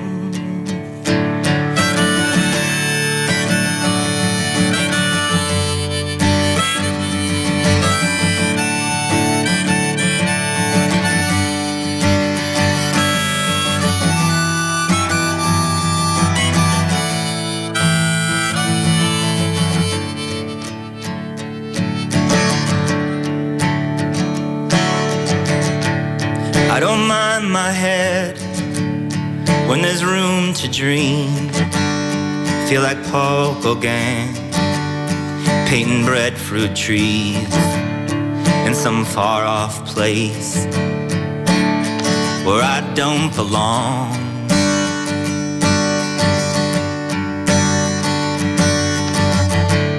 Tried to lose myself in the primitive in Yosemite like John Muir did, but his eyes were blue and mine are red and raw.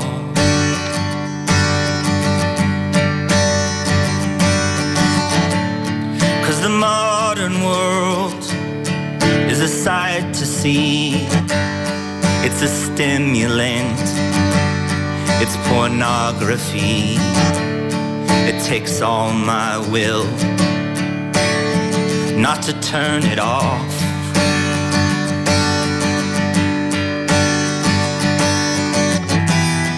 Don't want you to feel sad, baby.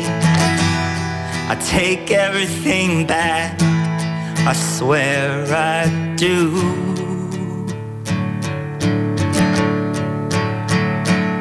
Cause once all the friends I had have used me up and left, I bet you hang around. I bet you'll hang around a while.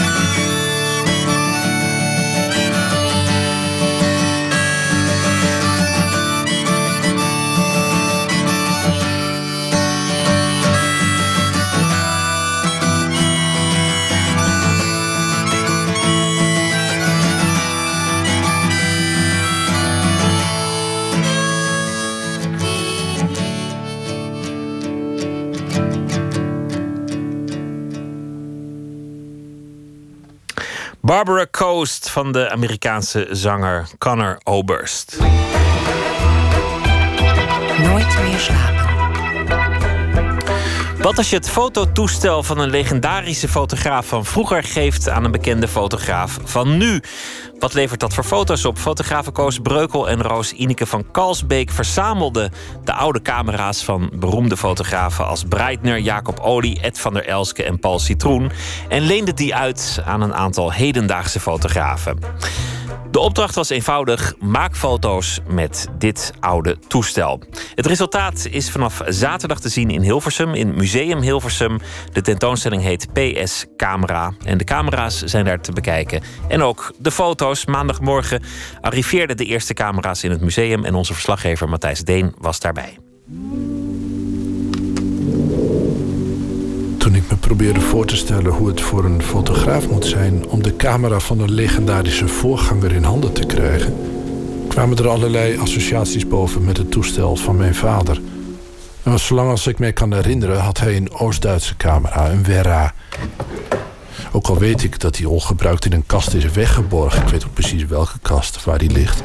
Ik voel nog steeds dat ik er eigenlijk niet aan mag komen. De camera behoorde exclusief hem toe. Op de lens stonden geheime cijfers en symbolen. Voor mij als kind niet minder dan runen... die bij onkundig, niet ingewijd en dus verboden gebruik... iets onherstelbaars teweeg zouden brengen. God weet wat. Het was bijna een ritueel moment toen hij mij zijn oude toestel in leen gaf. Een Agfa Klak. Het apparaat waarmee hij de tijd had bevroren toen ik er nog niet op lette. Mijn broers aan mijn wieg.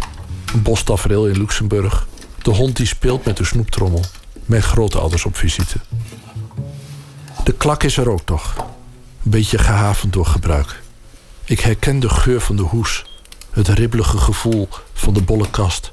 De draaiknop die bij transport van de film een beetje piept. En de sluiter waarvan ik het geluid kan dromen.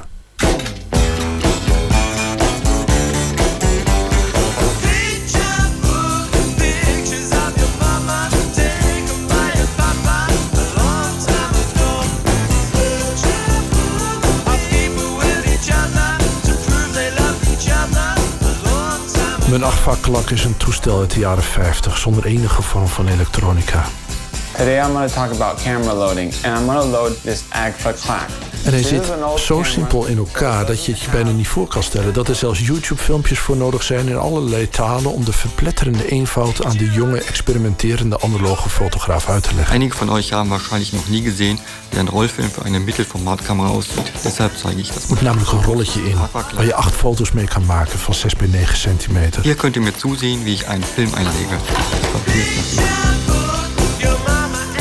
Leg het initiatiefneemster van PS Camera, fotograaf Rosineke van Kalsbeek voor... terwijl ze in het museum Hilversum de eerste zending fotocamera's... van grote voorgangers aan het uitpakken is. Had ze ook zo'n vader met zo'n heilige camera. Ja, ik, ik weet wel dat ik het jammer vond. Ik mocht daar vroeger een foto mee maken. De eerste keer dat ik een foto mocht maken met het toestel van mijn vader... weet ik nog heel goed. Ik had een heel mooi eh, beeld bedacht. Nou, wat ook een kind van, wat is het, negen. Die eh, fotografeert haar berschoentjes. Maar ja, ze heeft natuurlijk nog een oudere broer die altijd wil pesten. Dus die eh, brengt zo een graspriet in beeld. Dus als ik nu die foto zie, dan moet ik altijd denken aan dat mijn broer daar ook die graspriet in beeld al bracht. Terwijl dat inderdaad de eerste keer was dat ik eigenlijk zelf mijn foto construeerde. Dus, Is het, maakt die graspriet achteraf het een betere foto? Uh, nou, misschien wel. Uiteindelijk. En de herinnering maakt het sterker. En het is ook dat ik dan weet dat ik toen die camera van mijn vader ter hand mocht nemen. Kan je daar iets bij voorstellen? Hoe ging dat bij jou? Ja, dat was hetzelfde. Ja. Ik, uh, Minolta, half kleinbeeld, weet ik nog. En dan mochten we echt niet aanzitten. Oh, dat is de stem van Morad Bouchakour. De fotograaf die foto's mocht maken met het toestel van Jacob Olie. Dat is ook precies het toestel dat Rosineke aan het uitpakken is. Jacob Olie, de timmerman en bouwkundige... die later directeur werd van een ambachtschool maar die vooral vanaf de jaren 50 van de 19e eeuw fotografeerde. Het toestel waarmee hij dat deed, maakt hij zelf. Nergens een YouTube-filmpje hoe die werkt. Morat kent hem nu, maar dat duurde even. Oké, ja, ik moest even weer bedenken hoe het ook alweer allemaal werkte. Dus nou, je hebt een, een hele simpele lens. En wat ontbreekt is de sluiter. Ja. Er zat hier een klein houtdingetje op. Die zette je erop. Dan was die ook meteen lichtdicht. En er zat een, een, een houtding met een elastiekje. En die trok je naar beneden. En dan schoot hij langs de lens. En dat was je sluiter. Oh. En dus hoe harder je aan het elastiekje trekt... hoe hoger je sluitertijd. Ja, fantastisch. Hoe simpel kan je het maken? En dat was ook wel ja, echt fantastisch om te zien het resultaat ook dan. Want het is echt heel erg mooi. Dus ja. this is all you need. Eigenlijk kan iedereen dit maken. Dus ja, de lens, heel simpel. En hoe stel je scherp? Door het houten kastje uit elkaar te trekken. Dus je kijkt, dus dan haal je deze, haal je het los. Dan ga je er doorheen kijken. Dus nu op je beeld. Oh, een soort verstilling wat je op die foto's van Jacob Olie ook ziet. En als je nu het kastje uit elkaar trekt, zie je, nu wordt hij onscherp. En duw ik naar binnen. En dan wordt hij scherp. Kijk, nu gaat het deurtje dicht. Zo. Ja, oh ja. En normaal gesproken zou je nu een zwarte doek over je hoofd doen. Zoals je dat kent van de oude kamers. En dan ga je een beetje op je kop zo ga je kijken wat hier nou eigenlijk gebeurt. Wat mij nu overkomt als ik hier door dit uh, matglas kijk... Ja. Is ik heb echt het gevoel... maar misschien is dat illusie dat ik terugkijk in de tijd. Heb jij dat ook? Ja, nou, dat had ik meteen. Ja, ook omdat... Weet je wat het grote verschil ook is met dit soort camera's? Je, je moet de tijd nemen. Dus uh, met elektronische camera's is je hebt een schermpje, alles is perfect en er staan een paar tabelletjes, je schiet en je krijgt een beeld. En bij dit moet je even de tijd nemen. Het staat op zijn kop. Door dat matglas wordt het ook een beetje grijs en ontkleurd. En je staat heel even stil. Het is een beetje alsof je stil staat in de tijd. Je wordt gedwongen met deze camera's om meer tijd te nemen voor je foto. Maar dat betekent dat je ook op een andere manier te werk gaat. Het hele idee van reportagefotografie, dat je, dat je het moment moet hebben. Ja. Dat, eh, het is meer dat je een, een gedachte ja. fotografeert dan de werkelijkheid bijna. Gedachte is een goed woord, want vaak ontstaat er al een soort van fantasie op het moment dat je hiermee bezig bent. En dat ga je dan proberen te vertalen in die foto. Um, Wat, eh, eh, wat, wat ook heel erg meewerkt hier, waardoor je langzamer ging werken, is dat het best wel duur was, één foto. Mhm. Dus zelfs nu met 4 bij 5 inch negatief, nou, dan ben je zo 15, 20 euro verder met één foto. Dus je maakt die foto niet zo snel. En ik denk ook dat we nu de herwaardering van het werk van Jacob Olie is dat vroeger werd het heel erg gezien als plaatjes gewoon een beetje standaard plaatjes. Maar dat mensen steeds, steeds meer is gaan waarderen hoe hij het vast heeft gelegd. Die stilte in het werk, die, die, ja, de ruimte voor fantasie ook. Het is misschien goed, voor het geval u dat niet mocht hebben... een idee te krijgen van het werk van Jacob Olie. Die het merendeel van zijn foto's maakte in en om Amsterdam rond 1900. Paardentram, drukt op de Dam. Een luchtballon boven het paleis van Volksvlijt. Een overzichtsfoto op het nieuwe Centraal Station. Een blik in de wereld die weg is. Gaslantaarns, telefoonlijnen, paarden, handkarren. Schepen die torenhoge stapels biertonnen afladen.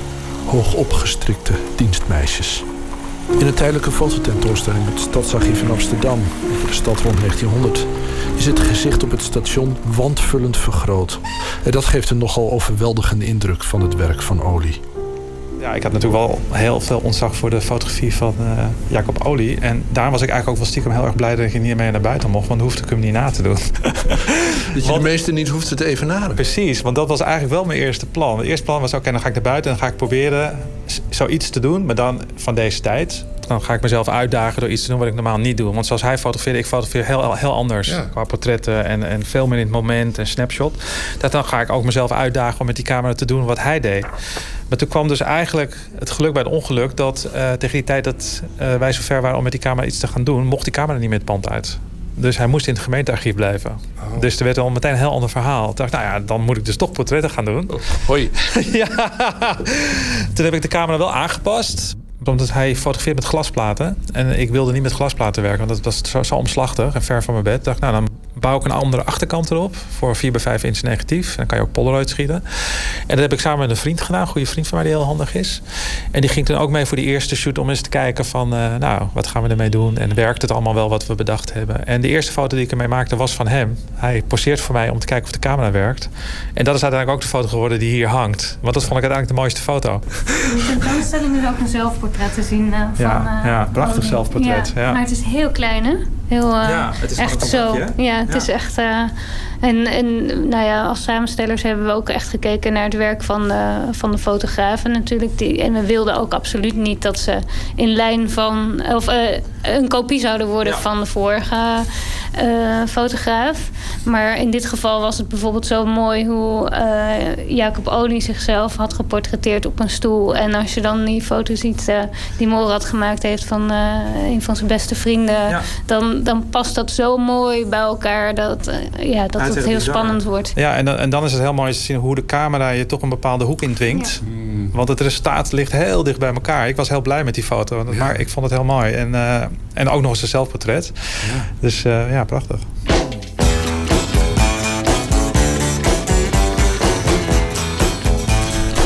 Vond je het uh, jammer dat je er weer afstand van moest doen? Of valt het ook wel weer mee?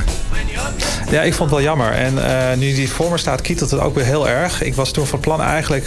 na het gemeentearchief dacht ik... ik moet gewoon mijn familie portretteren met deze camera. En uh, de eerste die ik in gedacht had was mijn moeder. Maar die is uh, ondertussen overleden. Dus dat gaat niet meer gebeuren. En, maar nu die weer voor me staat, denk ik... ja, nu moet ik het ook gewoon nog eens een keertje gaan doen. Ook gewoon. Ja. ja. ja. En, en waarom die familieportret? Vind ik heel leuk gedachte. Waarom eigenlijk? Nou ja, omdat je daar een verhaal mee hebt, een intentie. En uh, wat ik al zei, je kijkt niet door de, deze camera heen. Dus als je, als je deze camera instelt en die mensen zitten daar... en je, je kijkt met je gevoel naar die mensen... dan krijg je een hele andere foto. Want er zijn allemaal verhalen en, en ja, die, ga je, die ga je met deze camera eruit krijgen. Maar je ouders zijn natuurlijk ook jouw band met het verleden. Ja, absoluut.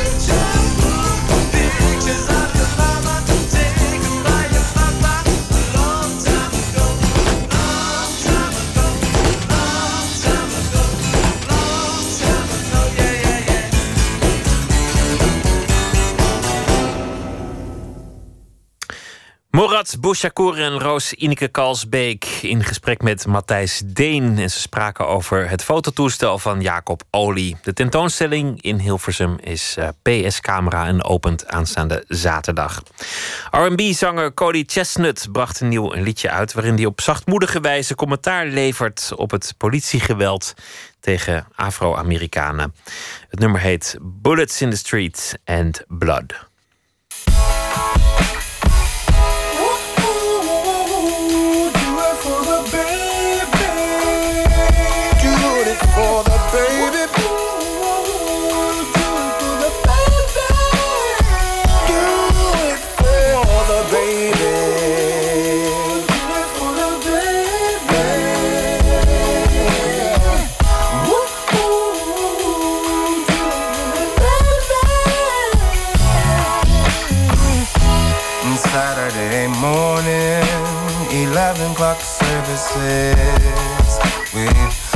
Seen it all too many times before. A mother broken hearted, a father head is hanging with children too young to know the score, too young to know that love is losing meaning here, and that this loss is really cheating them, and that an ignorance is breeding to dress the hurt and pain that's leading them to to the bullets in the streets and blood.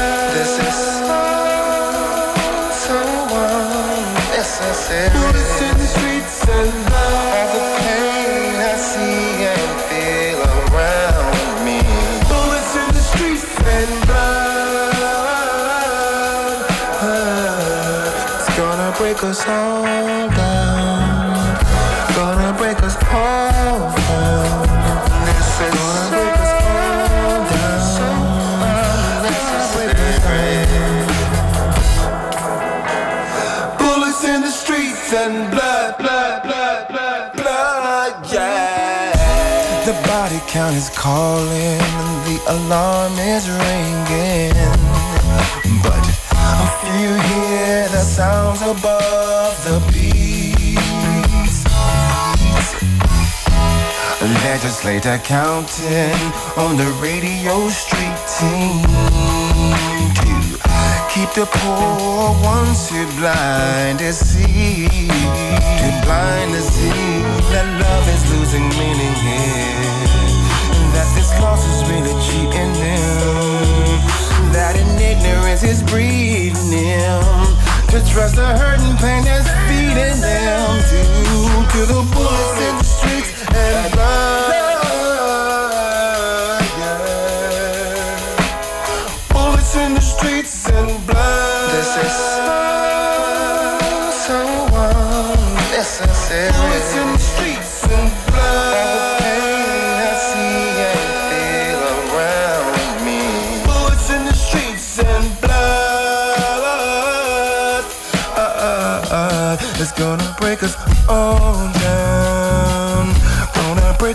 all down. Gonna break us all down. Gonna break us down.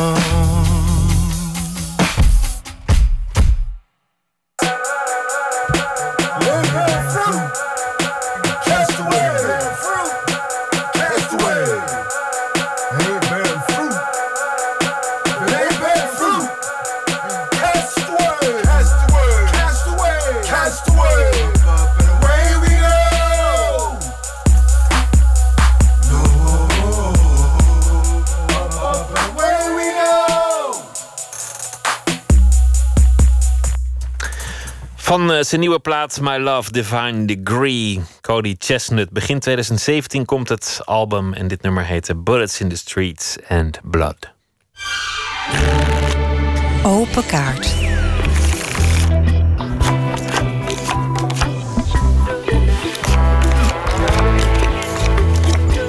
De rubriek heet Open Kaart. De gast trekt zelf kaart uit een bak. 150 vragen zitten daarin over werk en leven. Deze keer is eh, de gastacteur Wart Weemhof. Maakt deel uit van het theatercollectief De Warme Winkel. Naar eigen zeggen een non-conformistisch theatercollectief. Een gezelschap dat probeert bestaande theaterwetten te doorbreken... en de theaterwereld op te schudden. Provoceren mag als het maar iets bewerkstelligt. Al dus Weemhof. De Warme Winkel heeft een eh, nieuwe voorstelling. De titel daarvan is De Warme Winkel speelt De Warme Winkel. Welkom, Wart Weemhof. Dankjewel. Meestal is dat, dat iets dat, dat eh, eh, gezelschappen, groepen, bands bij de eerste voorstelling doen. Hè? Led Zeppelin 1. Ja. Of uh, uh, nou ja, en heel veel theatervoorstellingen zijn ooit begonnen of groepen met een voorstelling onder eigen naam. Ja, en we vonden het ook al jaren een gemis om. Uh, om nooit de voorstelling De Warme Winkel speelt De Warme Winkel te Precies, hebben gemaakt. Om onze naam niet te munten met een eigen project. Uh, ook omdat die naam ons natuurlijk al jaren achtervolgt als een heel uh, slechte naam. de Warme Winkel, dat doet eerst altijd je wenkbrauwen fronsen van waar komt die naam vandaan. Maar ondertussen is het ook wel een ja, een soort geuzennaam geworden. En staat die gelukkig ook wel voor een bepaalde stijl. Dus we houden hem en we dachten we moeten hem nu ja, met een gouden randje eromheen presenteren. Dat roept vast ook vragen op. Als je, als je dan onder eigen naam gaat toeren en de voorstelling ook de eigen naam geeft. De warme winkel speelt de warme winkel. Dan denk je ineens, ja, wat, wat is het nou eigenlijk?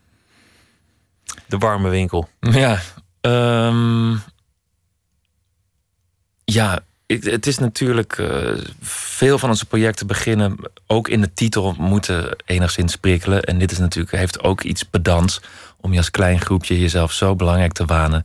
Dat je een eigen ja, stuk aan jezelf kan wijden. En daar zit ook meteen wel de angel van het project. Uh, is dat het maar ten dele waar is. We hebben, uh, een, dus ten dele willen we onszelf, uh, ons magnum opus maken. Ons verheerlijken en ons in het pantheon van de grote theatermakers uh, daartussen scharen. Maar dat doen we op een beetje filijne wijze. Want we hebben eigenlijk vorige week première gehad. En in het repetitieproces hebben we ons een meesterwerk van een andere theatermaker toegeëigend. En, uh, en daarmee komt ons project meer in de lijn van de appropriation art te staan. Dus dat is, ja, je hebt een hele reeks kunstenaars die eigenlijk andermans kunstwerken toe-eigenen of in een andere context plaatsen. En dat hebben wij met de voorstelling Café Muller van Pira Bausch gedaan. Zo'n legendarische voorstelling van, van, van, van, van nou, een van de grote theatermakers, choreografen van de vorige eeuw. En die hebben jullie gewoon jezelf toegeëigend. Nou ja, daar zit al de pijn in jouw woorden ook. Je gewoon inderdaad toegeëigend. Dat was, uh, dat was niet gemakkelijk. Zowel juridisch niet als artistiek niet. En ook gingen we ook niet over één nacht ijs. Van uh, hoe kunnen we dat maken? Want we spelen dus inderdaad ook dat stuk integraal. Um, maar bij ons maakt het eigenlijk, ja, in onze voorstelling De Warme Winkel speelt De Warme Winkel. Maakt het onderdeel, ja, is het bijna een soort tweeluik geworden. Dus uh, eigenlijk de hele context, hoe we tot die, uh, tot die daad gekomen zijn. Waarom we dat doen. Dus dat stuk is uit uh, 78. En dat wordt nog steeds gespeeld door het originele gezelschap. Zelfs door een aantal originele dansers. Dus dat is nog nooit uit handen gegeven. En we hebben dat eigenlijk zonder toestemming te vragen. Integraal decor nagemaakt, de dans ingestudeerd. En dat ons eigen gemaakt. En, um, uh, maar we zijn niet over één nacht ijs gegaan. En, en heel die zoektocht zit eigenlijk ook in onze voorstelling nu verweef, verwoven. Dus die krijg, je, die, ja, die krijg je ook. En daarmee stel je ook de vraag: wat is theater, wat is een voorstelling en, en wie zijn wij? Uh, ja, hoop zeker die, maar ook meer dan dat. Het is, ja, we stellen ons ook de vraag: hoe ga je dus ja, in het groot gezegd met uh, de geschiedenis om, met de, met de mensen voor jou, dus op wiens schouders sta je. Kun je eigenlijk origineel of authentiek zijn? Of, uh, ja, of bouw je altijd verder op degene die voor je waren? En hoe, ja, hoe, verhoud je daartoe? Dus dat is, en dat is binnen de kunst een interessante vraag. Uh, maar ook wel heel persoonlijk eigenlijk. Hoe ga je met je voorouders om? Of met je ouders? Hoe kun je daarvan distancieren? Of hen toch een plek geven? En eigenlijk heel, al die vragen komen best wel terug in dat eerste deel van de voorstelling.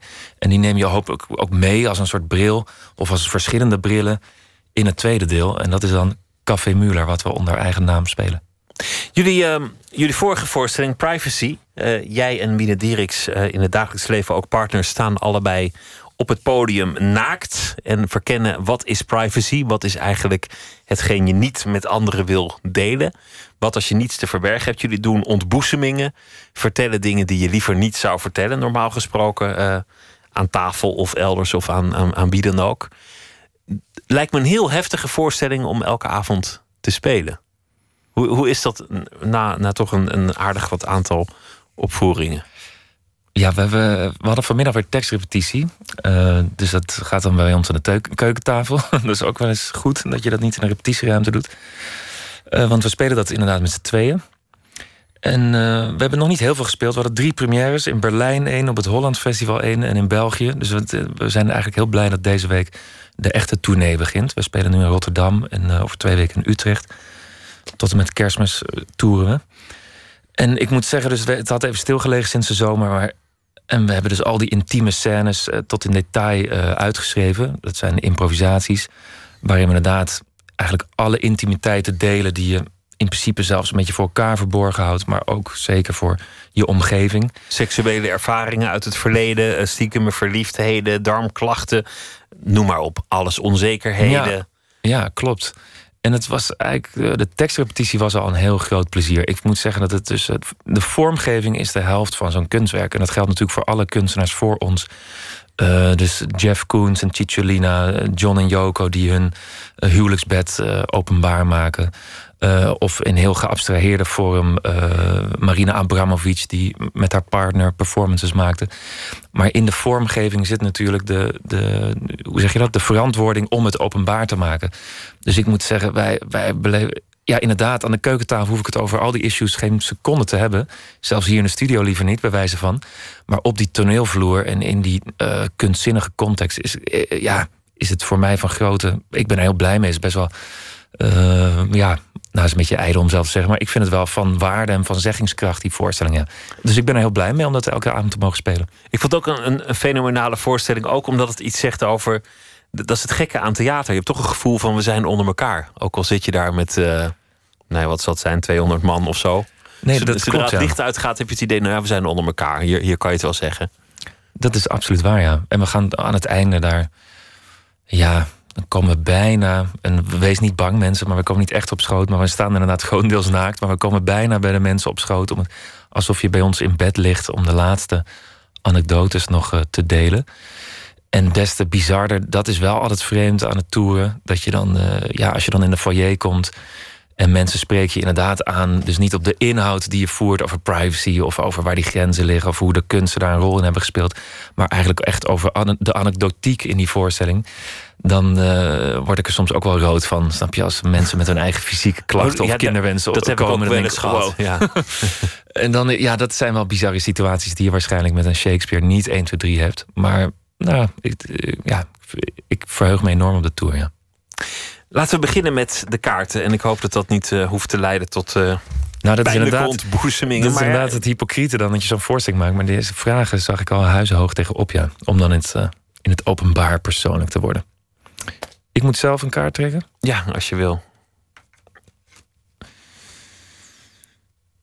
Welke fout zou je nooit meer maken? Nou, het eerste wat me te binnen schiet is dat ik. Uh, ik ben altijd heel blij met mijn keuzes geweest in het theater. ja, qua welke voorstelling je wilt maken of waar je aan mee moet werken. Of welke voorstelling je initieert.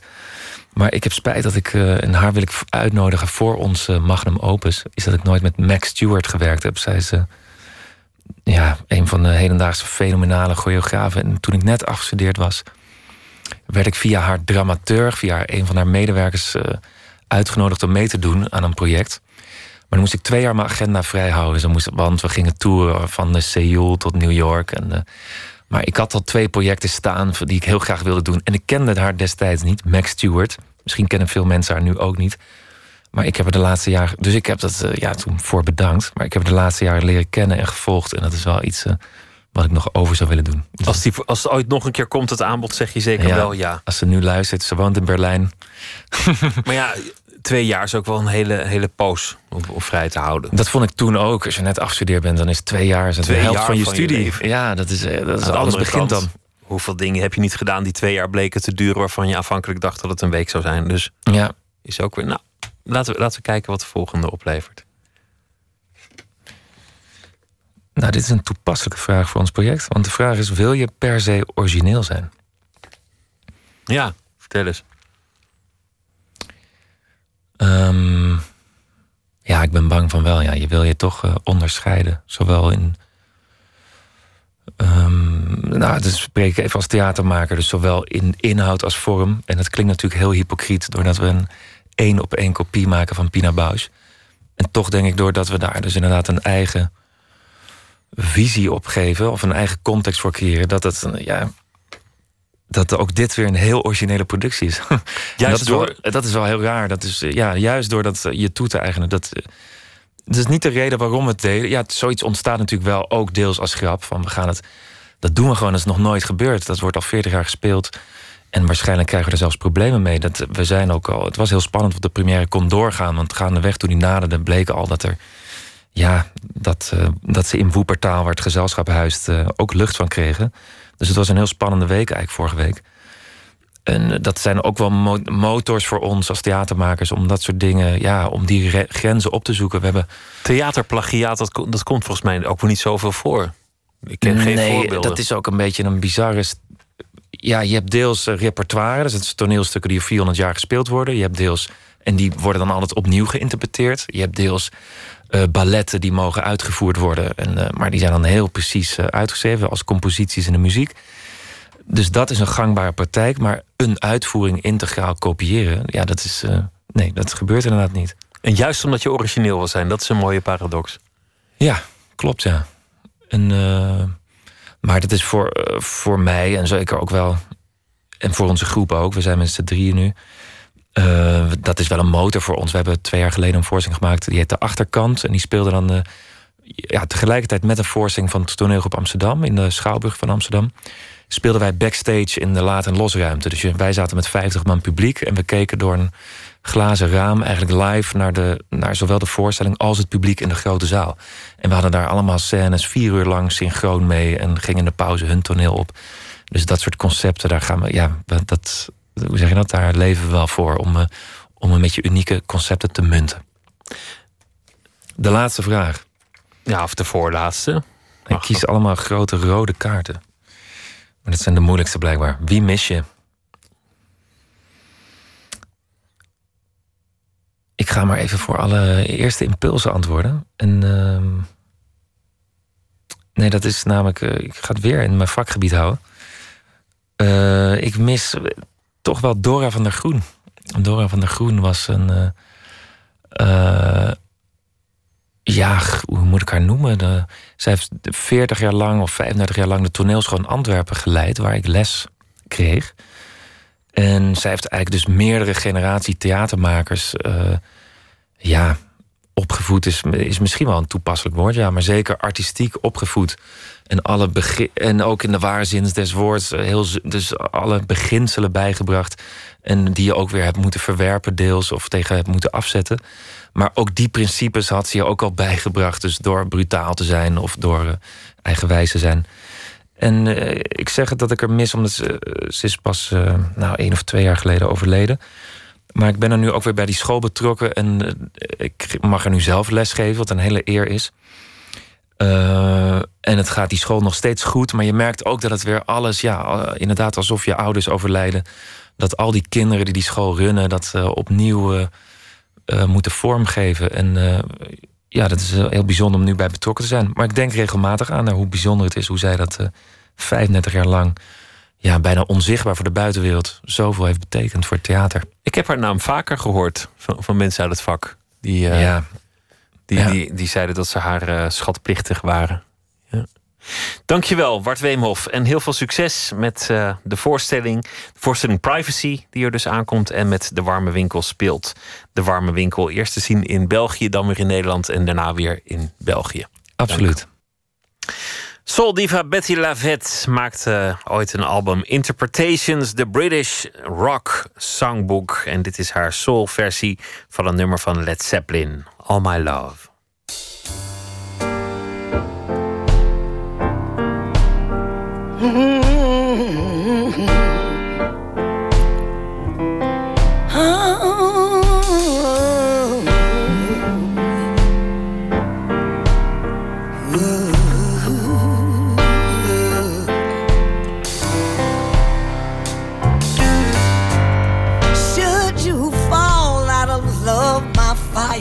delight to chase a feather in the wind. Within the glow that weaves a cloak of delight, that moves a thread that has no end. For many days and hours that pass too soon, the tides have caused the flames to dim. At last I've got it straight. My hand is to the loom.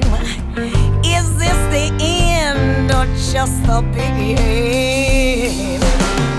All of my love, all of my love, all of my love to you.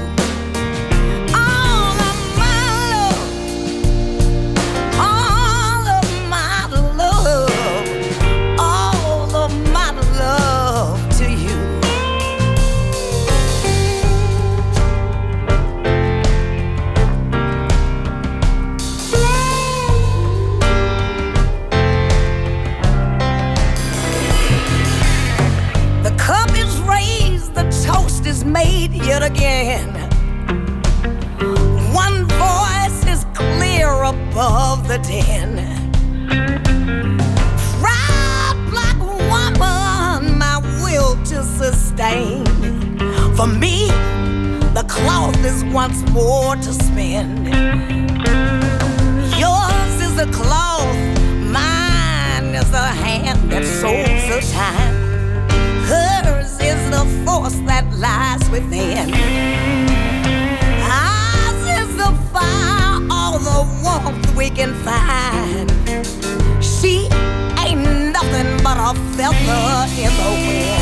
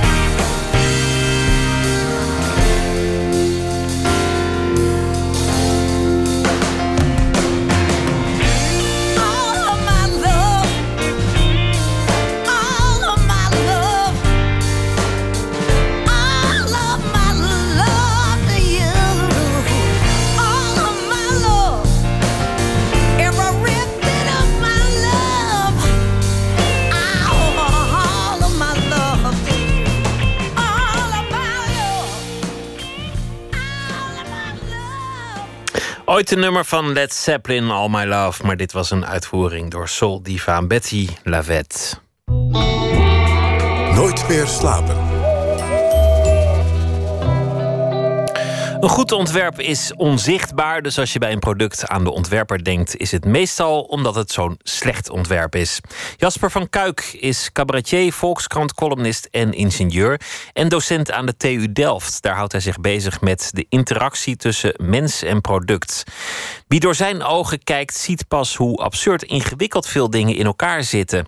Afgelopen vrijdag kwam zijn bundel met columns uit. Hoe moeilijk kan het zijn? Een mooie vraag waar Emmy Colau met hem over praat deze week. Elke nacht eh, gaan ze op pad en ze gaan kijken naar wat slecht design is en wat goed design is. Deel 2 vanaf het station Amsterdam-Amstel. Moet maar eens aan een collega op je werk vragen die op tijd op kantoor is. Eh, moet je vragen waarom ben je op tijd? Dat is, een, dat is een hele moeilijke vraag om te beantwoorden. Want dan kun je alles noemen. Dan kun je zeggen, ja, de wekker ging en ik heb niet te lang gedaan met ontbeten en de trein. Dat kan alles zijn. Maar vraag een keer aan iemand die te laat is, waarom hij te laat is. Dan zegt ze, ja, dat en dat. Nou, dat is waarom ik kijk naar de producten die net niet lekker gaan of helemaal niet lekker gaan. Daar worden de dingen die goed moeten gaan ineens heel duidelijk. En dan realiseer je eens, oh, kennelijk is dat een belangrijk aspect aan, aan productontwikkeling. We staan hier op station Amstel. En eh, eh, dit station is redelijk eh, berucht eh, onder treinreizigers. Omdat je de poortjes voor de metro en de trein staan eigenlijk in dezelfde lijn. En als jij uh, met de metro wil en je checkt in bij NS... en uiteindelijk bij de metro uitcheckt... dan, dan zou je dus twee keer 10 euro uh, kwijt zijn. Omdat je bij... Ja, je checkt in bij de een en uit bij de andere. Ze hebben inmiddels het een en ander... Uh, hebben ze die poortjes gekoppeld. Dus dat het niet, niet meer helemaal mis kan gaan. Als je probeert uit te checken bij de metro... maar je bent ingecheckt bij NS... zegt het poortje... Um, hey, sorry, je bent ingecheckt bij NS. Je moet niet bij mij zijn. Het geldt nog steeds wel dat als je incheckt bij de metro en je wordt gecontroleerd in de trein, dan heb je een probleem. Dan heb je echt een probleem, ja. Je ziet daar een paal staan. En er staat een, een blauwe i en een rood teken met SOS. Als jij uh, niet kunt in- of uitchecken, kun je daar op die i drukken. Heb je dat wel eens gedaan? Nee, laten we dat doen. Nee, gaan we niet doen. Er zit echt iemand aan de andere kant van de lijn en die vraagt dan: wat is uw probleem? Niemand doet dat. We hebben we hebben opgeteld weken in het veld gestaan. We hebben nog nooit iemand op die knop zien drukken. Um, maar kennelijk is er met die paal iets mis. Dat, dat mensen, brengt mensen niet op het idee om, om daar op die knop te drukken. Hij is ook niet heel zichtbaar. Hij heeft hetzelfde, hetzelfde aluminium als eigenlijk alles hier. Dus je, je ziet hem eigenlijk niet eens. Nee, dat klopt. Uh, dat is een regel van, uh, van de stationsarchitect, spoorbouwmeester. Die willen eigenlijk die willen een, een, een, rustige stationsomgeving. Dus als je ook kijkt, alles is grijs of staal met blauw. En hier en daar een kleuraccent. Zodat de kleuraccenten nog opvallen en je ook een soort harmonieuze omgeving krijgt. Nederlandse stations zijn best wel mooi als je dat vergelijkt met het buitenland. Alleen bij zo'n paal, die moet eigenlijk opvallen. Die, die, uh, je zou, ik, als ik hem opnieuw zou doen, ik zou hem niet daar neerzetten. Want hij staat niet bij de rij met poortjes. Ik zou hem daar direct naast zetten. Um, als, als de poortje weigert, zou die ook een aanwijzing kunnen geven. Ga naar de informatiepaal. En de paal zou zelfs een soort licht kunnen gaan geven en zeggen... hier moet je zijn, bij mij moet je zijn. Dit is echt jouw vakgebied. Dus het nadenken hoe je producten en diensten beter kan laten aansluiten bij wat consumenten willen of wat het leven eigenlijk prettiger maakt.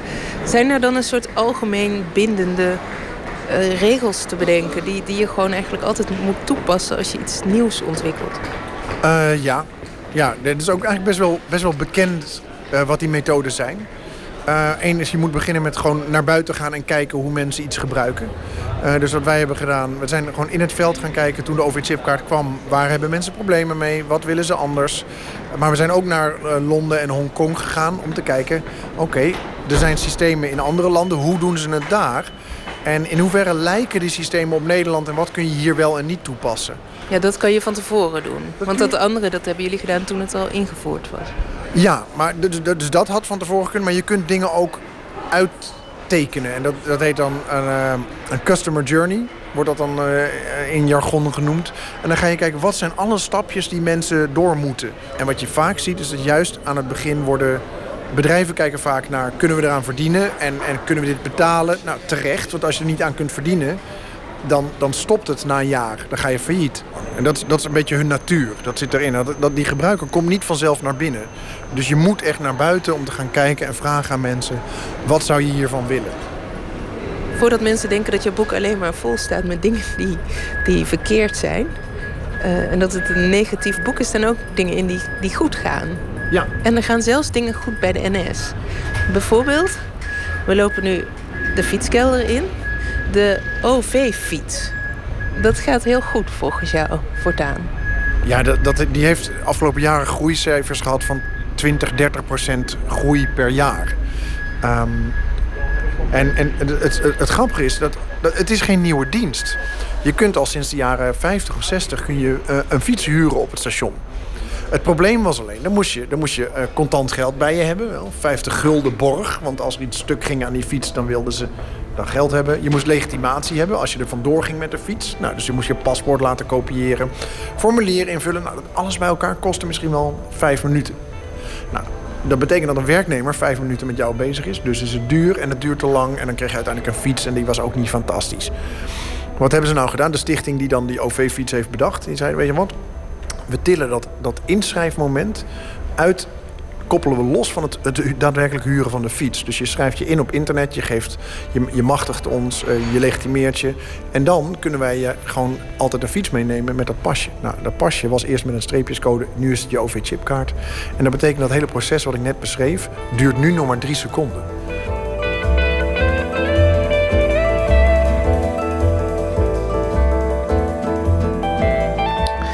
Bundel van Jasper van Kuik heet Hoe moeilijk kan het zijn? Morgen het derde deel in de serie over slechte ontwerpen dan in de supermarkt. Uit Rotterdam komt de band Crying Boys Café, die onlangs een eerste plaat heeft uitgebracht. The Keys, Not the People. Daarop staat eigentijdse muziek met een aantrekkelijk ouderwets randje. Bijvoorbeeld dit nummer I Was a Singer. I was singing to the water. Singing sea. And I've been changing all my colors. But I've no one left to be. I made over Russia choices. I was calling to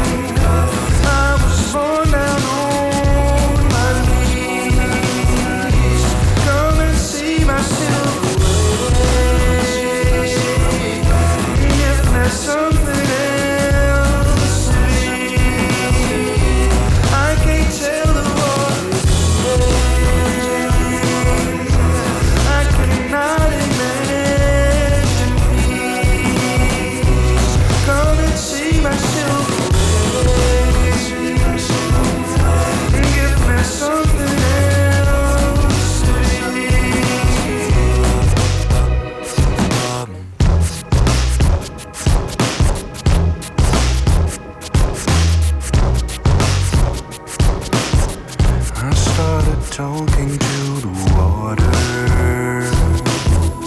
The sun was dying in the sea.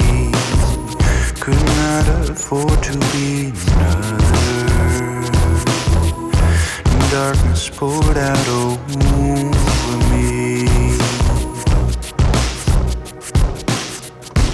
I Was a Singer van de Rotterdamse band Crying Boys Café. We eindigen met poëzie. Anna Enquist is pianiste, schrijfster, dichter en psychoanalytica.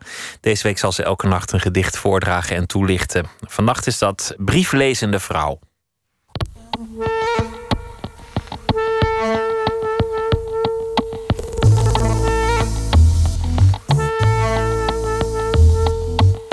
Brieflezende vrouw. Je vraagt wat deed ik voor ik bij het raam de brief losvouwde. Wel, ik las de brief. Er zijn twee soorten tijd. De ene, die ik haat, verstrijkt hier buiten. Als mijn voet de drempel kruist, staan daar de borstelmaker en de meid. Ze willen iets. Ze dwingen mij te springen in die vaart. Dan komt hij niet meer terug. Dan is zijn schip vergaan. Er blaft een hond. Ik sluit de deur en in de kamer met het bleke licht lees ik de brief.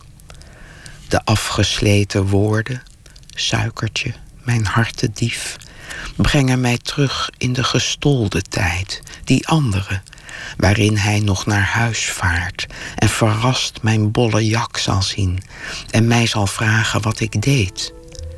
Ik knevelde de tijd. Ik las je brief. Ja, dat is een gedicht bij uh, een schilderij van Vermeer. En dat heet Lezende vrouw in het blauw.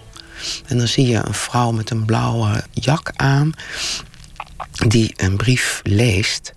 Uh, je zou eigenlijk aan haar buik wel kunnen zien dat ze zwanger is.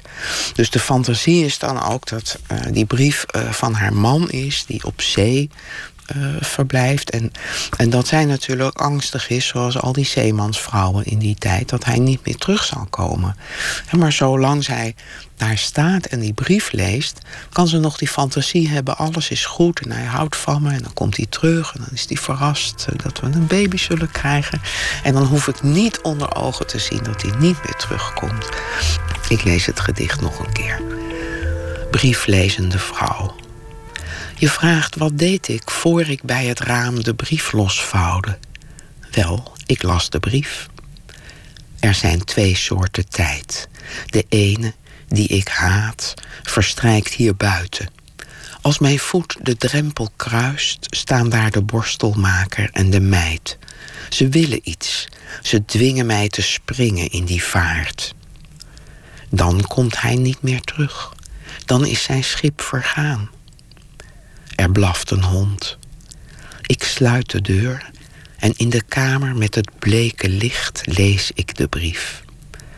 De afgesleten woorden, suikertje, mijn hartedief, brengen mij terug in de gestolde tijd, die andere, waarin hij nog naar huis vaart en verrast mijn bolle jak zal zien en mij zal vragen wat ik deed.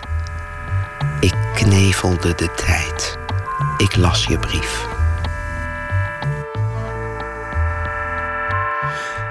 Brieflezende vrouwen, gedicht gelezen door Anna Enquist. Morgen in Nooit meer slapen komt schrijfster Karin Amatmoukrim te gast.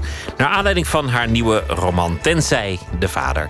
Wens ik u een hele goede nacht en morgen een leuke dag. En graag weer tot dan. Veel plezier.